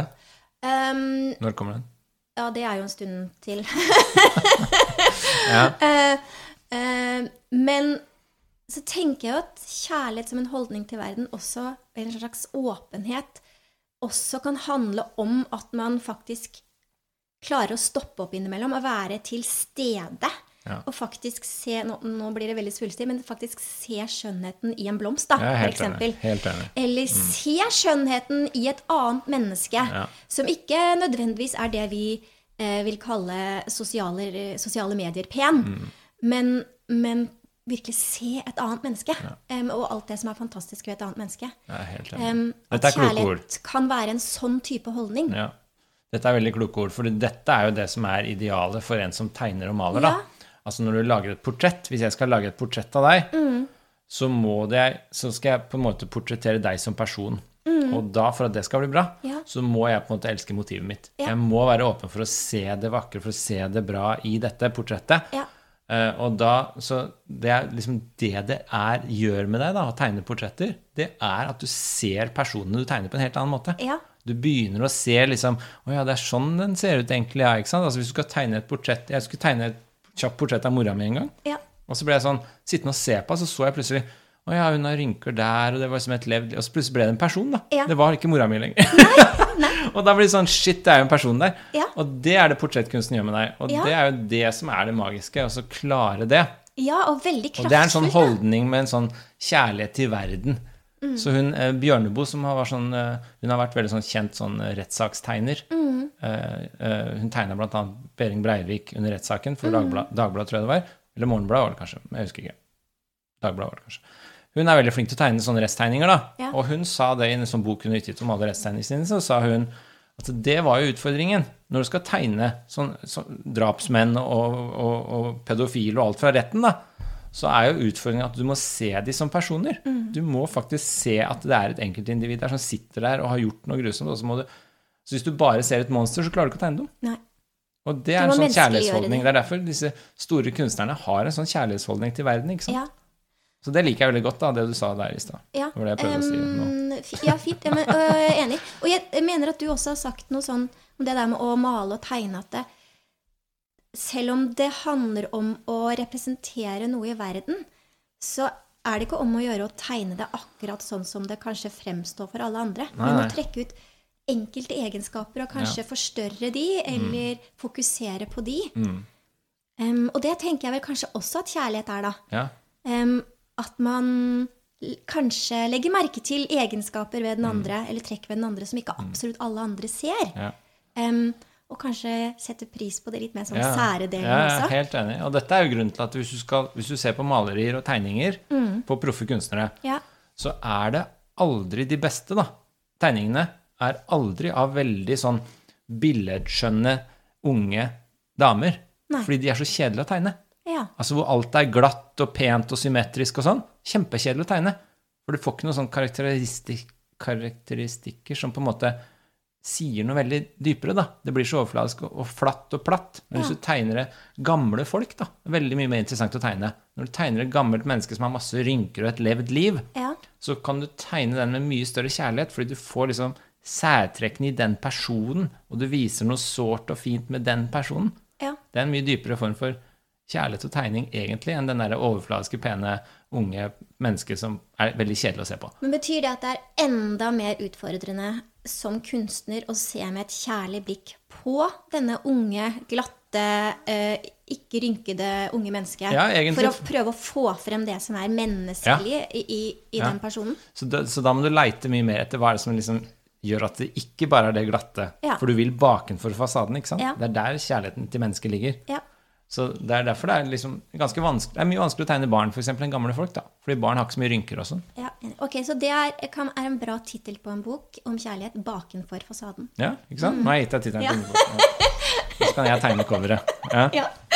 Nei, det er veldig bra. Jeg tror det er veldig interessant, akkurat det der. Ja. Altså, man må se Det gjelder å liksom se den andre på ordentlig, da. Ja. Og så ikke bare liksom eh, Ja, så du må bakenfor fasaden for å liksom få Ja. tak på noe litt dypere. Og det er jo det vi alle ønsker, da, å bli sett på den måten. Ja. Og det som kanskje er så forførende med forelskelse, er jo at man faller for alle disse overflatetingene, men så føler man seg så sett. Ja, ja. Eh, og så går forelskelsen over, og så eh, Hvis det da ender opp med at den andre jo egentlig ikke liker den du faktisk er, da, eller den du også er? Når de der mer hverdagslige og til og med kanskje negative egenskapene kommer frem, em, så, så er jo det veldig sårt. Ja. Ikke sant? Det at det kun er de, det overfladiske som teller. Men også ikke bare det. Når du er i den forelskelsesrusen, så er det jo Du blir også helt ukritisk. Altså, du elsker alt ved den andre personen. Ja da. Selv det som da to år senere irriterer deg, Ja. elska du da. Så du blir på en måte, det er et eller annet filter som legger seg over deg, som gjør at alt er kult med Ja. den andre personen. Det er jo kjemi en kjemisk prosess Ja. som skjer i hjernen, da. Man blir gal. Liksom. Ja. Ok, ja, men det er interessant. Ja, men eh, del to, da. Vi er kommet oss til del to. Ja, nei, fordi det, det som skjer nå, er jo at han, det du sa i stad, Ja, det er jo egentlig sånn boka er organisert. Ja. Altså du får teorien nå, og så får du praksisen etterpå. Ja. Hvordan du skal Altså det, det, siste del, del én, to er jo kjærlighetens teori, og så etter det så er det egentlig sånn selvhjelpsbok. Sånn hvordan praktis, praktisere dette. ja. Kan jeg få bare si noe som jeg syns er litt sånn interessant med akkurat liksom begynnelsen da, Ja. av denne kjærlighetens teori, mm. den delen? Da, da snakker han jo om paradis og sånn. ikke sant? Det er jo mye sånn um, referanser til Bibelen. Um, og um, uh, ja. Han skriver det vesentlige ved den menneskelige livsform er at mennesket har hevet seg over dyrestadiet. Ja. Dets tilpasning skjer ikke lenger instinktsmessig. Mennesket er et overnaturlig vesen. Ja, Jeg er helt enig. Ja. Um, selv om det aldri mister liksom, forbindelsen med naturen. Det er en del av den. Det er derfor vi kan bli dannede personer, ikke dyr. Ja, Fordi vi kan forme oss etter idealer. ja men vi klarer ikke Men, men denne kjærlighetsdrivet er jo også en veldig naturlig del av oss. Ja, ja. Men etter at de har utskilt seg fra den, altså naturen, kan de ikke lenger vende tilbake til den. Mhm. Siden det ble utrevet For nå går han over til, til, til Bibelen. Siden det ble utrevet fra paradis, den opprinnelige tilstanden da mennesket var ett med naturen, Ja. voktes paradisets porter av kiruber med flammesverd hvis det forsøker å vende tilbake. Mennesket kan bare komme videre ved å utvikle sin bevissthet ved å finne frem til en ny harmoni. Mm. Ja. Så Jeg helt, akkurat det der er jeg helt enig i. ja. Altså det at vi, vi Det er vår både blessing og tragedie. Ja. At vi har hevet oss over naturen. Ja. Vi har denne kognisjonen. Og apropos Frankfurt, Ja. det er jo her han på en måte kommer inn med full fart. fordi det som skiller oss mye at vi kan heve oss over, Ja. er jo at vi ikke bare har ønsker og behov, men vi har også ønsker og behov om hva slags ønsker og behov vi skal ha. Ja. Så du får en sånn annenordens greie. Ja. Og det gjør at vi kan korrigere oss selv Ja. ved å fokusere på hva det er jeg ønsker at jeg ønsker meg. Ja. Vi, bare vi, vi bryr oss om viljen vår, Ja. sier Frankfurt. Og det er det som gjør oss til personer. Og da er hever du deg over det instinktive over naturen, for da tenker vi vi kan jo faktisk ville noe annet enn det vi vil. Og da har vi heva og det klarer ikke katta mi. Mm. Nei. Se på hun ligger der bare dum som en. Handler ikke sant? bare på alle Ja. instinkter. Ja. Mens uh, vi f.eks. kan ha veldig lyst på vet ikke, jeg, sjokolade, da. Ja. Og uh, sommerkroppen 2023. Ja. Og at det er ikke helt uh, sammenfattende. Ja. Og da kan vi klare å korrigere oss litt. Mm. Eller i en kjærlighetsrelasjon hvor man jo har veldig lyst til å være dette, denne fantastiske personen. Og Mm. man har veldig lyst til å behandle den andre på en god måte, men innimellom så sier man og gjør man dumme ting. Ja. Ja. Og så, ja, så viljesvakhet går jo veldig ofte ut på, sånn jeg ser det i hvert fall, at Mm. den første ordens, det der du umiddelbart ønsker deg, det tar overhånd. så klarer du ikke å styre det. Mm. Og viljestyrke går på at du liksom du kan se hva du faktisk har lyst på, og så klarer du å se hva du har lyst på at du skal ha lyst på, Mm. Ja. og så klarer du å følge den Ja. fremfor den første. Så du har både en slags impulskontroll, da, men også disiplin da, og viljestyrke, som man prater om. eh. Og det er derfor jeg for mener at Nå er det veldig digresjon, da, men det er derfor jeg mener smarttelefonen er destruktiv for barn. For de får ikke øvd opp sin impulskontroll. Nei. De bare blir umiddelbart tilfredsstilt. Ja. Så de klarer ikke å få trent opp det der hva er det jeg egentlig vil at jeg skal ville. ja. Den er borte, for du bare ser en ny video, og det blir underholdt hele tiden. Kan jo være skadelig for voksne, det der. Ja, ja, absolutt. Men ja, så den er jo interessant. Så jeg er Ja. helt enig i det at vi hever oss over. Ja. Og det gjør at vi også syns livet er litt tragisk, for vi blir ikke tilfredsstilt. Ikke sant? Nei, litt sånn Vi kan alltid ønske oss noe annet. Og det er jo trist. Katta mi er jo ikke noen store drømmer, og det er ganske blessing for henne, da. Ja. Hun har det nok mye bedre enn meg. Ja, du tror det? Jeg tror det. Mm. Men samtidig så er jo jeg mye mer stolt av at jeg klarer å tegne. Det klarer ikke katta mi. Nei. Katta di har kanskje ikke noe slags begrep om Nei. stolthet på den måten. Nei, så jeg tror hun har det bedre, faktisk. Men samtidig ville jeg ikke vært katten fremfor et menneske. Nei. Det er noe stort ved oss. Ja, kunne kanskje vært jeg. interessant et par timer, da. Ja. Ja. Ja, men jeg tror problemet Dette er ganske interessant, for jeg leste en sånn der bok hvor han forteller om 40 måter å leve etter at du er død. 40 måter livet etter døden kan være. Ja. Et av de er han blir til en hest, og så har han lyst til å prøve å bli til en hest, og så skjer det, da. Men det som skjer, er at det, sakte, men sikkert så blir han jo til en hest. Ja. Så han skjønner jo ikke hvordan det er å være en hest. Nei. For hesten skjønner jo ikke det. Nei. Så det blir borte, ikke sant? Så hvis jeg sier at jeg skulle ønske jeg kunne prøve å være katta mi i fem minutter, da hadde jeg antakeligvis bare vært katta mi, så jeg hadde ikke skjønt hvordan det var å være katta mi i fem minutter. Men du kunne ha Hvis du da gikk tilbake til å være deg, Ja. så hadde du jo i hvert fall Eller kunne hatt minne, da. Ja, kunne det, for hvis katta klarer å liksom bevare det på samme måte, det er det som er trikset her. Ja. Så det er overgangen er vanskelig. Men ja. Ja. Digresjon. Nok en digresjon. Eh, Men ja, ja. jeg syns det at de smelter sammen, det er jo også en sånn mytologisk greie. Ja. At kjærligheten egentlig handler om at to mennesker skal smelte sammen til ett. ja. Eh, Og det er drivet, egentlig. Her blir han litt sånn freudiansk også. altså Det er det som er drivet. At vi Aristoteles sier jo det, at ekte vennskap, eller ekte kjærlighet, da, filos, ja. er jo er jo eh, den type eh, at det, Hva han sier? Altså det er, du er én sjel i to kropper. Ja. Ikke sant? Det er ekte, ekte vennskap for Aristoteles. Ja. Og det er jo litt det her som går på her. Ekte kjærlighet, vennskap, kjærlighet For Aristoteles var litt det samme, da, sånn filos-begrepet. Men det at du, du, du Når du liksom har funnet din soulmate, som du snakka om, da, Ja. Så er det liksom, da smelter du sammen til én sjel. Ja. Og du kan fullføre hverandres setninger. Ja. Det er veldig koselig, ikke sant? Ja. Eh, Det er litt sånn idealet, kanskje. ja. Og det trekker han opp her som sånn Ja, altså jeg vil jo bare si, Han nevner jo da denne myten som Aristofanes forteller om i Symposium. Altså Platons symposium. Ja. Uh, Den har jeg lagd en episode på med Hilde Vinje. ja. Ja.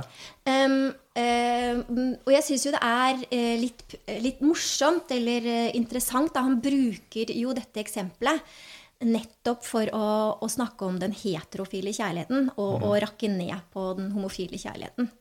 Men da driver han jo med voldsom cherrypicking. Fordi det som jo den historien faktisk handler om, det er jo dette opprinnelige mennesket, hvordan mennesket opprinnelig var. At det var to stykker som, som satt sammen. Eh, Med fire bein og fire armer og to ansikter og to kjønnsorganer. Um, og så yppet de seg mot gudene. Og så eh, ble gudene sinte, og så ble de delt i to for at de skulle bli svakere. Ja. Um, og så er liksom historien da, etter det at eh, mennesket har ever since Ja. Mm. prøvd å finne sin, sin andre halvdel. Men, men det som han bruker denne historien, eh, som er å fortelle om den heterofile kjærligheten, og hvorfor den er så eh, Ja, for mye den- bedre. Homofile kan blikket til en enhet igjen. Nei, han, han rakker i hvert fall ned på den homofile kjærligheten. Nei, men, men, ikke men, men historien i Symposium er jo at det, det fantes tre typer mennesker. Altså de, det jo den som besto av to menn, to kvinner, og ehm, eh, den androgyne, den som Ja. som besto av, av mann og kvinne. Em, og eh, en av de tingene som Aristofanes eh, sier, er jo nettopp det at det, egentlig så er det de homofile mennene som er de mest maskuline mennene blant annet. Ja. Ikke sant? Så det er eh, Jeg vil bare si det, da. At når han bruker denne historien i denne boka, her, så bruker han det for å, å, Ja. å liksom bygge opp om at det naturlige er det heterofile forholdet. Og snakke ned det homofile forholdet. Men det er ikke det den historien er brukt til Nei. i, eh, i symposium. Jeg bare skumma gjennom det, jeg tror jeg. Ja. Ja, men uh, ja. Det er veldig interessant det med at noen sier det er unaturlig å være homo. Det er Ja, veldig det er rart, fordi det er jo sånn altså hvis det er, La oss si det er Jeg tror en undersøkelse viste at det var sånn mellom 2 og 10% som identifiserte seg som homo. Ja. Avhengig av hvordan spørsmålsstillingen var formulert. Men så hvis det er 5 da, som er liksom sånn ordentlig Som er homo, Ja. og det, har det, det er ganske stabile tall. Ja. Og da er det sånn Da er det jo helt naturlig at det er 5 som er homo.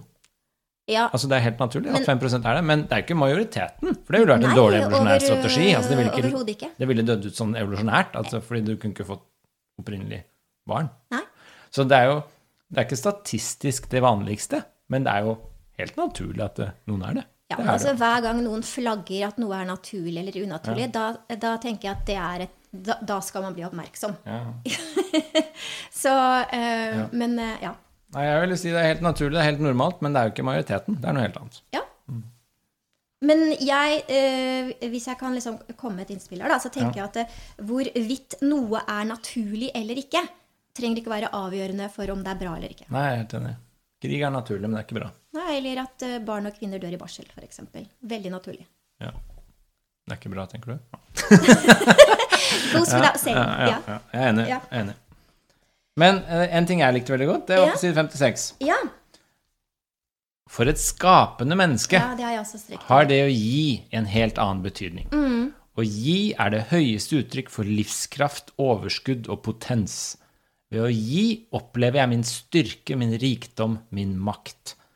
Og på side 57 så sier han ikke å gi eller kunne gi ville vært smertefullt. Så dette er, syns jeg, er ganske viktig, da. Altså, Jeg tror de som er veldig ensomme, f.eks., jeg tror nok man føler også på at man får ikke gitt noe. Ja.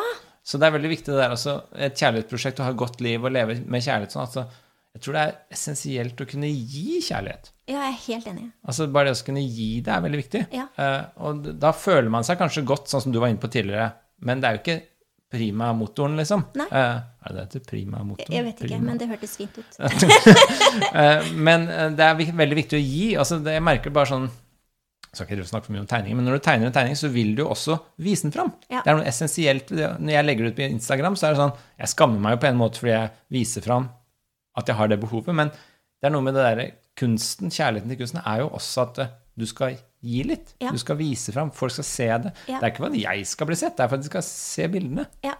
Og det er litt sånn, Jeg tror den kjærligheten er ganske viktig. da. Det å kunne gi til andre mennesker, den er essensiell. Jeg likte at han sa det. Ja, det er jeg- da du føler deg som et viktig, overskudd, kraftfullt og potenst menneske. Ja, men, men tenk bare på um, f.eks. en parallell da, til det å kunne delta i arbeidslivet. For Mm. de som ikke kan gjøre det, så mister man jo denne følelsen av å, at det er bruk for en. Mm. At du har en funksjon. Um, hvis vi skal snakke om Aristoteles, for eksempel, så er det veldig viktig. Det der en, at mennesket har en funksjon. Um, um, og jeg tenker at det også gjelder da i, eh, i ja, Det å kunne få lov til å være en del av en kjærlighetsrelasjon. da. At det, å, at det er bruk for deg, og at du gir, eh, gjør noe for andre, at det er veldig meningsfylt. Ja. Og at man gjennom det opplever da både mestring og mening. Ja. Det er jo essensielt i mening at man er en del av noe større enn seg selv, Ja. og at man bidrar positivt. Det er det som oppleves meningsfullt. da. Ja.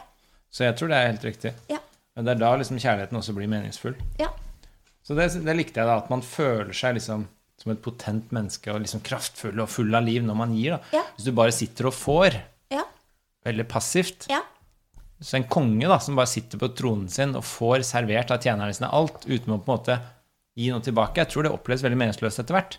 Jeg tror selv den kongen ville på en måte ønske å gi noe tilbake. Ja, å være en, ja, å være en slags diktator, da, på en måte, som alle skal gjøre noe for, mens du ikke skal gjøre noe for de, Ja, ja, altså jeg tror da hvis du blir en litt sånn Selv om du blir en litt sånn tyrannisk diktator som Mm. tvinger folket, så føler du i hvert fall at du gir noe.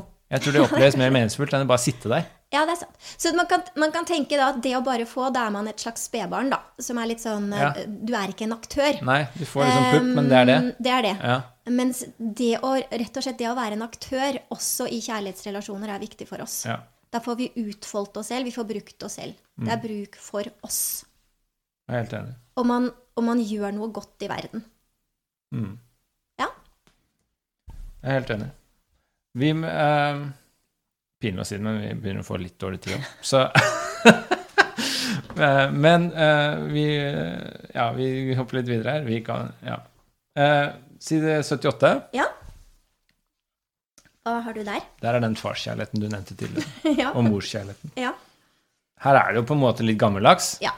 Det er litt søtt òg. Ja da, Det det er er bare jeg som er gammeldags. Er Ja, du søtt, er nok nok litt mer gammeldags enn meg, men, men, men det gjør jo ingenting. Nei, synes det det er er jo søtt. bare hva skal man si, forskjellig, Men er forskjellig litt, lynne. ja, men jeg er litt uenig i farskjærligheten han nevner her, da. Ja. Uh, for han sier jo her om farskjærligheten, så sier han farskjærlighet er betinget kjærlighet. Ja. Dens prinsipp er jeg elsker deg fordi du oppfyller mine forventninger. Ja. Fordi du er lik meg. Ja. Det er for meg helt feil. Ja.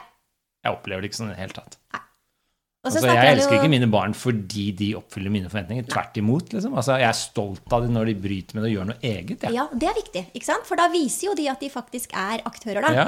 Og at de um, Så min eldste sier liksom jeg skal i hvert fall ikke bli filosof, det er bare tull. Ikke sant? Da blir jeg litt stolt. Ja. Altså det, ja. Ja, det skjønner jeg. Da viser de at de har eh, At de er et individ, ikke sant? ja. Eh, og at de har virkelig aktørskap. Men altså, ikke, hvis de bare reagerer som motsats, Nei. så blir det dumt. Ja, ja. De må også plukke med seg det beste og liksom skjønne hvor fantastisk far er. Ja.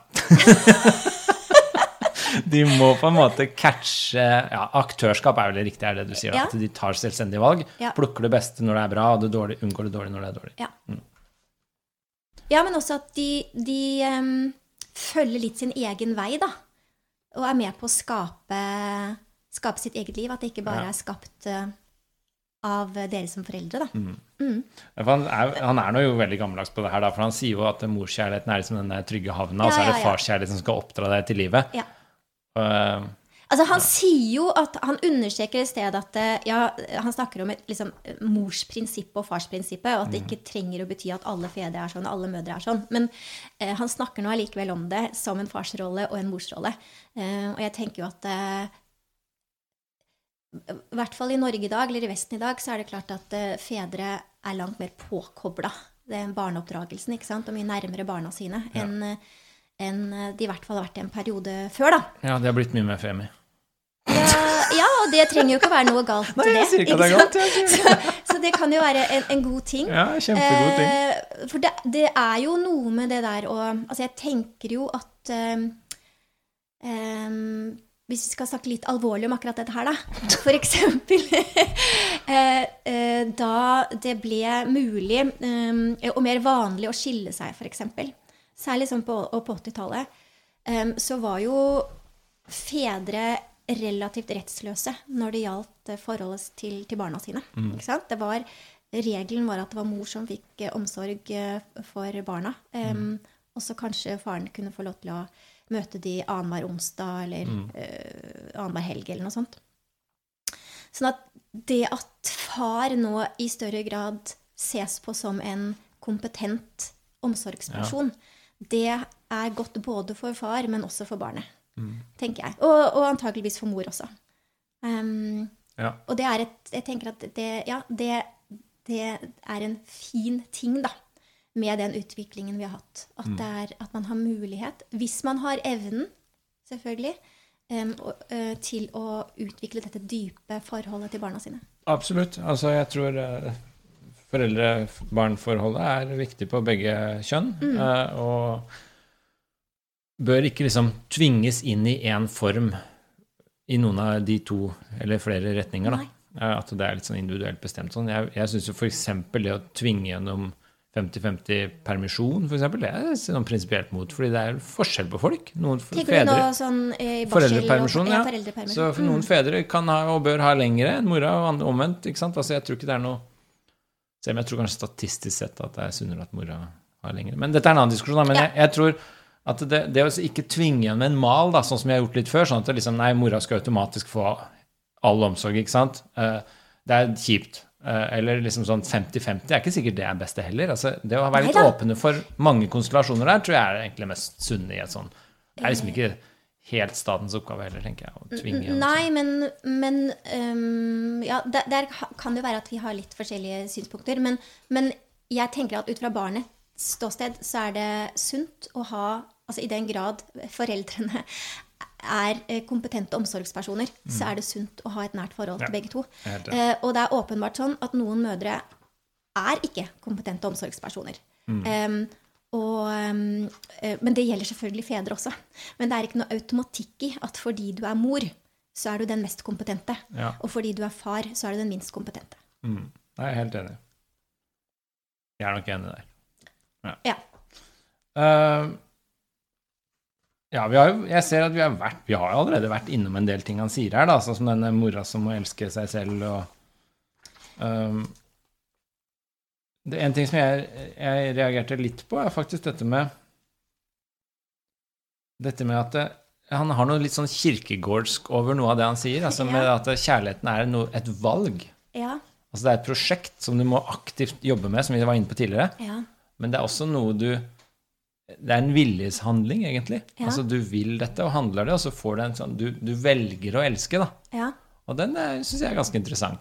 Altså Kan man liksom velge å gå all in for kjærligheten? Altså jeg elsker verden, og skal jeg velge å ha en elskeholdning til verden? Mm. Jeg skal velge å jobbe med kjærligheten for dette prosjektet. Det tror jeg er en ganske sånn interessant problemstilling. Han derre ene kunstneren som heter El Grande, er det det han heter? Han, Jeg vet ikke. nei, han er en sånn norsk kunstner som eh, Er det ikke El Grande? Han var venn med Ari Behn og Ja, det, er, det ringer en Ja, det er men det er El jo Grande du som er kunstneren her, da. Ja, jeg husker ikke hva han heter. Men han er litt sånn skalla, skalla og så Mm. El, Heter han ikke El Grande? Jeg tror det. Ja, han sa en gang, husker jeg, veldig klokt at eh, med kona hans, da, som fikk kreft Ja.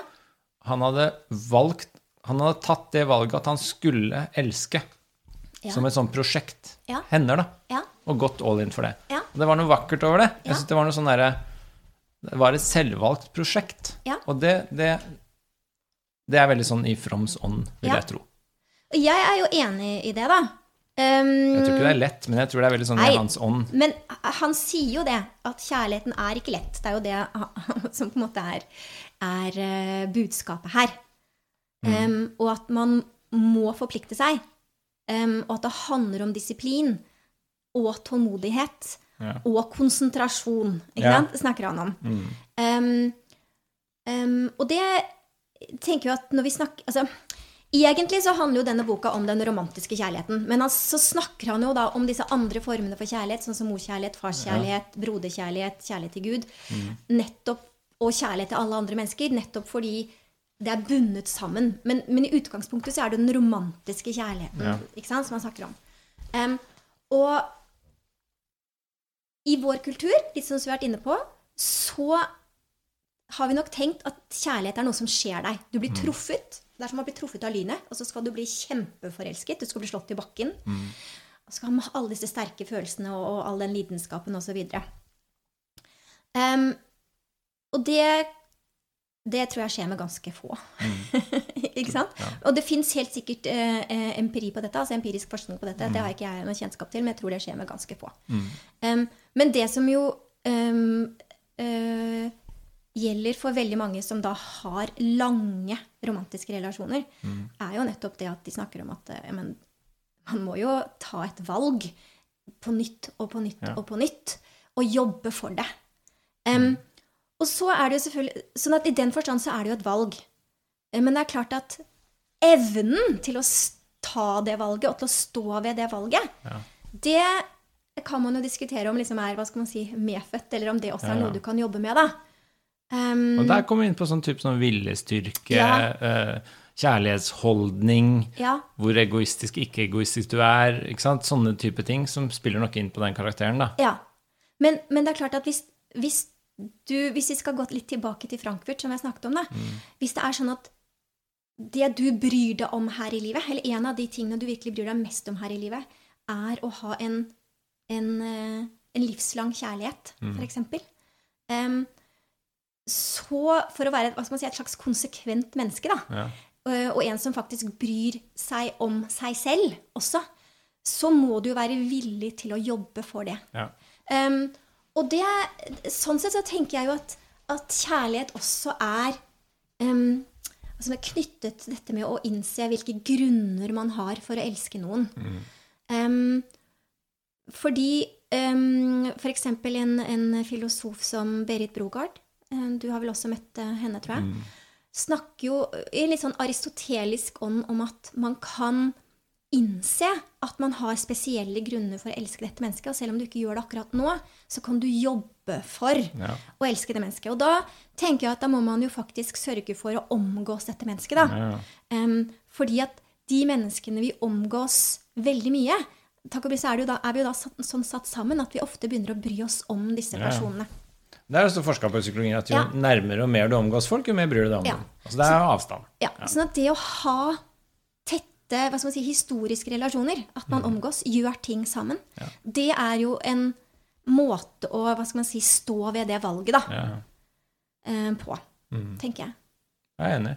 Altså det er jo eh, Ja, jeg er enig. Og hvis jeg bare kan få si en ting til også, fordi uh, dette med hva, hva, er en, hva er en kjærlighetsrelasjon, eller litt sånn, hvis man snakker litt sånn metafysisk rundt det, så tenker jeg at veldig ofte når vi snakker om relasjoner, så snakker vi om den historiske relasjonen. Og særlig når det gjelder vennskap og romantiske relasjoner, så må den historiske relasjonen være på plass for at man kan begynne å elske noen. Ikke sant? Ja. Um, men uh, så snakker vi også om det vi kan kanskje kalle en formale relasjon. Altså bare det at en person, en spesifikk person, er ditt barn. Det er en mer sånn formal relasjon. Dere har selvfølgelig den historiske relasjonen som har knyttet dere enda mer sammen emosjonelt. Men idet dette barnet ble født, selv om dere har hatt en slags ni måneders relasjon, på et eller annet vis, da, så vet du at dette, denne spesifikke personen er mitt barn. Det gir meg en helt spesiell grunn til å legge opp livet mitt på en måte rundt Ja. dette barnet. Men så så det, er, det er to måter å snakke om relasjonen på. Den tredje er selvfølgelig kvaliteten på relasjonen. Og det er jo veldig ofte også den folk snakker om. ikke sant? Nei, det går ikke så bra nå. Det er jo kvaliteten på relasjonen, selv om du har denne lange historien eh, osv. Eh, og det er jo ofte den som påvirker oss, da. Enten i Ja. positiv eller negativ forstand. Men ja, nei, det, det er jo kloke ord nok en gang, dette. Dr. Love. Uh, jeg tenker at det er, Hva med følgende idé, da? Jeg tenker, Ja. fordi dette er jo sånn som du sier, ikke sant? i From sitt prosjekt. da, Hvis kjærligheten er en kunst, det er et prosjekt som du velger og går inn for. Du viser omsorg, ansvar, alt det der. Og så må du jobbe med det kontinuerlig. Alle de tre relasjonene må du tenke på, og så må du se etter de grunnene som du har for å elske denne personen. Sant? Dette er mitt barn, dette er min kone, dette er mine foreldre, dette er mine søsken. Og så må du se etter grunnene Ja. som gjør at du skal jobbe videre med det. Ja. Uh, men tenk nå på Jeg hørte en gang altså, et forslag om at du, når man går inn på et, i et ekteskap, f.eks., så er jo det livet ut. Men hva om dette kunne ha hjelpe et sånt prosjekt da, for å få det her mer i mente? At man måtte fornye det hvert tiende år, f.eks. Så at når du gikk inn i et ekteskapsforhold og et familierelasjon, så var det sånn Nei, vi må fornye kontrakta hvert tiende år. Så hvert tiende år så må vi faktisk inn på et eller annet kontor og signere på nytt. Det ville ikke det Altså På en måte så tror jeg det kunne vært litt sånn oppfriskende, fordi da måtte du minne deg selv på Ja, dette er prosjektet vi skal gjøre i ti år til. ja. Men jeg tror også kanskje bare ulempen er hvis det hadde vært gått dårlig, så var det lettere å gå ut av det, kanskje. Jeg tror at noen kunne blitt litt stressa.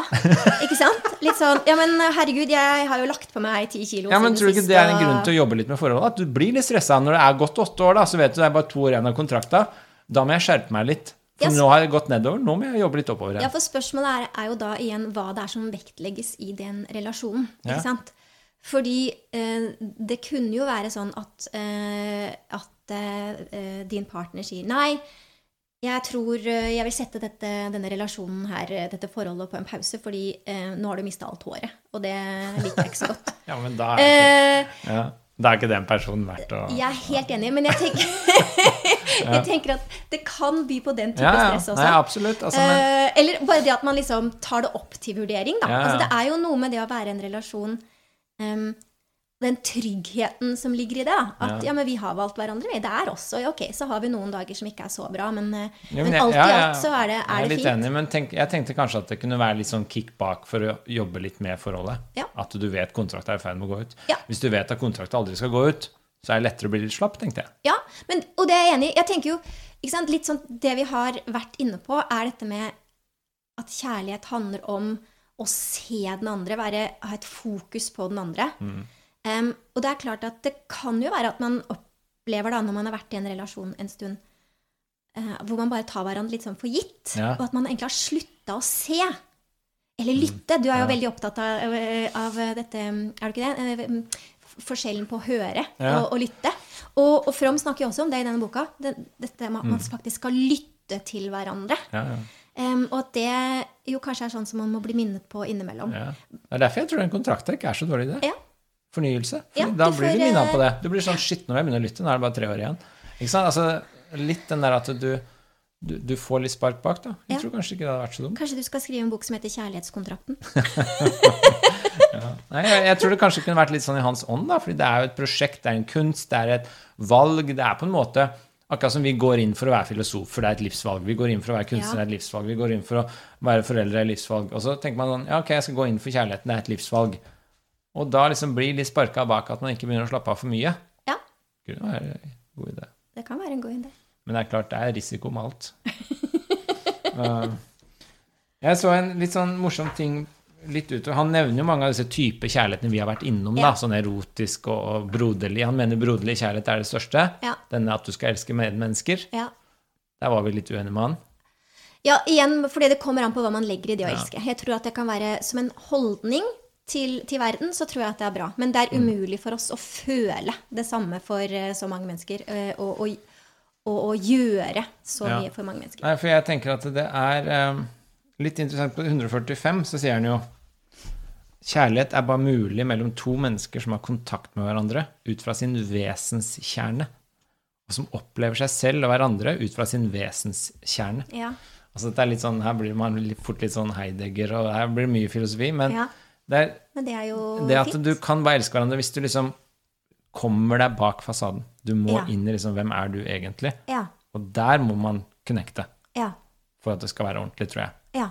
Og hvordan connecter er man? man Altså, handler det da om um, um, Det ene er å se da denne kjernen i personen.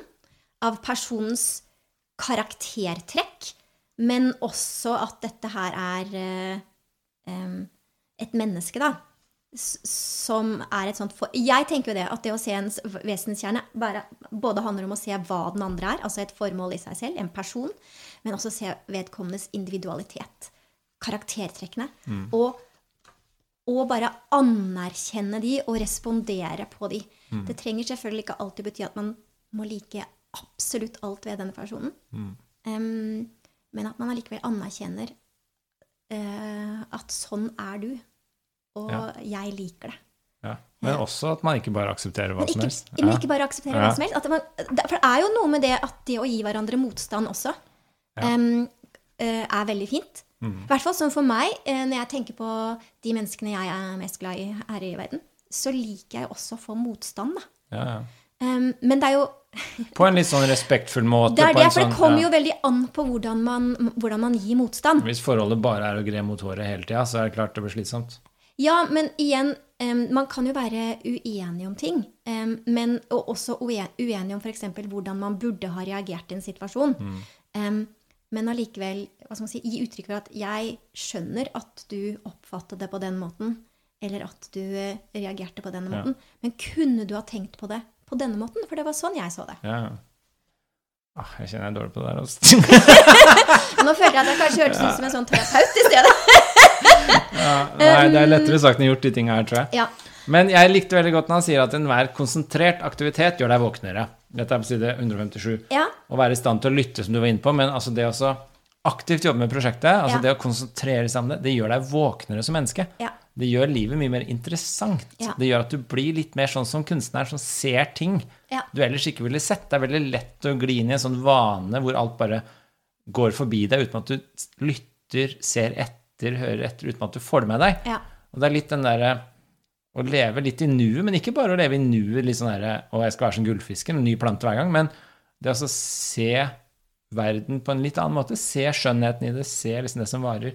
Og det å konsentrere seg om den når det gjelder kjærligheten, f.eks., da, det Ja. gjør deg mye våknere som menneske. Ja. Det er jeg veldig tro på. Jeg er enig. Det gjør livet litt mer spennende, det gjør deg mye mer våken, det gjør det liksom alt litt bedre, da. Og mer meningsfullt. Enig. Kan jeg også ta tak i noe annet som han sier som jeg, Han nevner jo veldig mye med narsissisme Ja. gjennom, eh, gjennom boka. Mm. Og, og det er jo morsomt at han mener at de i 1956 levde i en veldig sånn narsissistisk Ja. kultur. Jeg lurer på hva From hadde sagt om Ja, vår kultur. helt, Um, i dag. eh, men og at denne, denne altså narsissisme Um, at den formen for selvkjærlighet, da, hvis man kan ja, Eller uh, selvopptatthet, at den står i veien for ekte kjærlighet og det å kunne virkelig elske et annet menneske.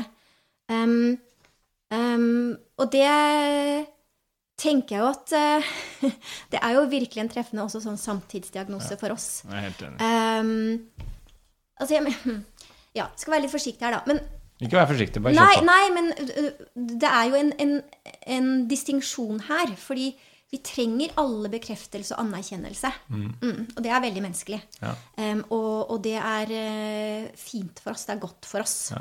Uh, og det å speile seg i noen andres blikk og bare vite at den personen liker meg, Ja. uh, det, det trenger vi alle sammen. Men så er det jo det med sosiale medier at det virkelig har fått frem um, Eller um, den gjør at våre narsissistiske sider på mange måter tar overhånd, da.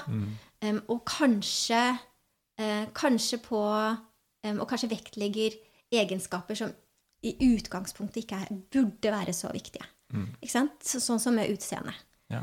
Um, men jeg vil ikke moralisere for mye over det heller. Ja, For, altså, det, er, for, det, er ikke sikkert, for det er ikke sikkert at si en, eh, en, en ung mann eller en ung dame som legger ut eh, bilder av seg selv Mm. ikke sant? med trutmunn eller, eh, eller sixpack eller hva det nå enn Mm. skal være, at de er mer narsissistiske enn eh, sånne som oss som sitter og har podkaster. Altså, dette kan jo også være en form for narsissisme. Ja. Um, Jeg skal begynne å legge ut bilder av onepacken min, jeg. ja, gjør det. ja. men, men, men Ja, så jeg bare har sagt det. Men vi, jeg tenker at vi lever i en, en kultur um, mo, med en teknologi da, Mm. som virkelig um, fremhever det narsissistiske Jeg er helt enig. Og, og at det også kan påvirke våre relasjoner til Mm. andre, særlig kjærlighetsrelasjoner. Jeg er helt enig. Um, Men alt ja. med litt måte, da. Altså, Ja. Det er jo ikke slik at uh, man kan bli for opptatt av utseendet. Men det er jo også hyggelig at folk er litt opptatt av utseendet. Ja. Verden blir litt penere, litt hyggeligere, litt, lukter litt bedre. Det liksom, alt blir litt bedre hvis du ordner deg litt. ja, selvfølgelig. og vi er jo Altså, Hvis jeg skulle liksom prøve å forbedre meg på noen måte, så ville det være at jeg, at jeg liksom tenkte litt mer på at jeg så ålreit ut, f.eks. Det er stort forbedringspotensial for meg. Og da tenker jeg sånn, Det er ikke noe negativt det, at man liksom bryr seg om hvordan man ser ut når man går bort til folk. Men det kan bli for mye. Ja. At det, liksom, det er hovedfokuset. Da blir det litt trist. Ja, jeg er enig. Em, og, men ja, igjen, vi er jo vesener som setter, på, setter pris på estetikk. Ja. Em, og, og vakre Ja, er- ting. Og også Og jeg tror det at når ting er vakkert rundt oss, så får vi også lettere en form for kjærlighet til omgivelsene rundt oss. Ja, Så når ting er vakkert, så blir vi sånn vi bryr oss mer om det. Ja, Når ting er stygt, så bryr vi oss mindre om det. ja, altså, Så jeg tror det er ganske sånn essensielt mm. at vi bryr oss litt om også omgivelser, bygninger, arkitektur Nei, ja. ikke gå inn i Nei, men altså at man bryr seg mer om også hvordan vi ser ut litt i omgang med hverandre sånn, det tror jeg er hyggelig. Ja, selvfølgelig. Em, Men vi må nesten slutte, for Ja. jeg, skal, jeg må videre. Det er jo trist, men vi skal helt klart lage en ny episode. Ja, selvfølgelig. Kan Vi må bare lage få- flere. Vi Ja. må lage flere. Vi Er det noe siste du har lyst til å ta? Ja, fordi eh, det var det jeg ville frem til da med dette med, med narsissisme. At det ofte kan um, uh, tilsløre blikket vårt da, Mm. av den andre også, tenker jeg. Um, og så, så sier uh, From noe her at uh, ingen av oss har et objektivt bilde av utenverden. Et bilde som ikke er forvrengt mer og mindre av vår narsissistiske innstilling. Um, behøver jeg eksempler, sier han. Um, og enhver kan lett skaffe seg dem ved å lese en avis. eh, for oss, da, eh, sosiale medier. Det er bare graden av narsissistisk for forvrengning av virkeligheten som er forskjellig. Um, bare, ja, bare tenker det, da. At uh, den narsissismen, den um, sammen med da altså em, urealistiske forventninger til andre, Ja. tenker jeg at veldig ofte er det som står i veien for å faktisk få til å elske noen. Mm. Um, og um, få til gode kjærlighetsrelasjoner. Enten det er romantiske relasjoner Mm. eller, eller vennskap eller familierelasjoner. Jeg hadde tenkt å lese noe, men jeg tror vi avslutter med dine kloke ord. Oh, ja, ok. Ja. Det var Dr. Loves avsluttende ord. Det var veldig hyggelig. Det var kjempehyggelig. Vi tar en ny episode en gang. Ja, vi gjør det. Vi snakkes. Yes!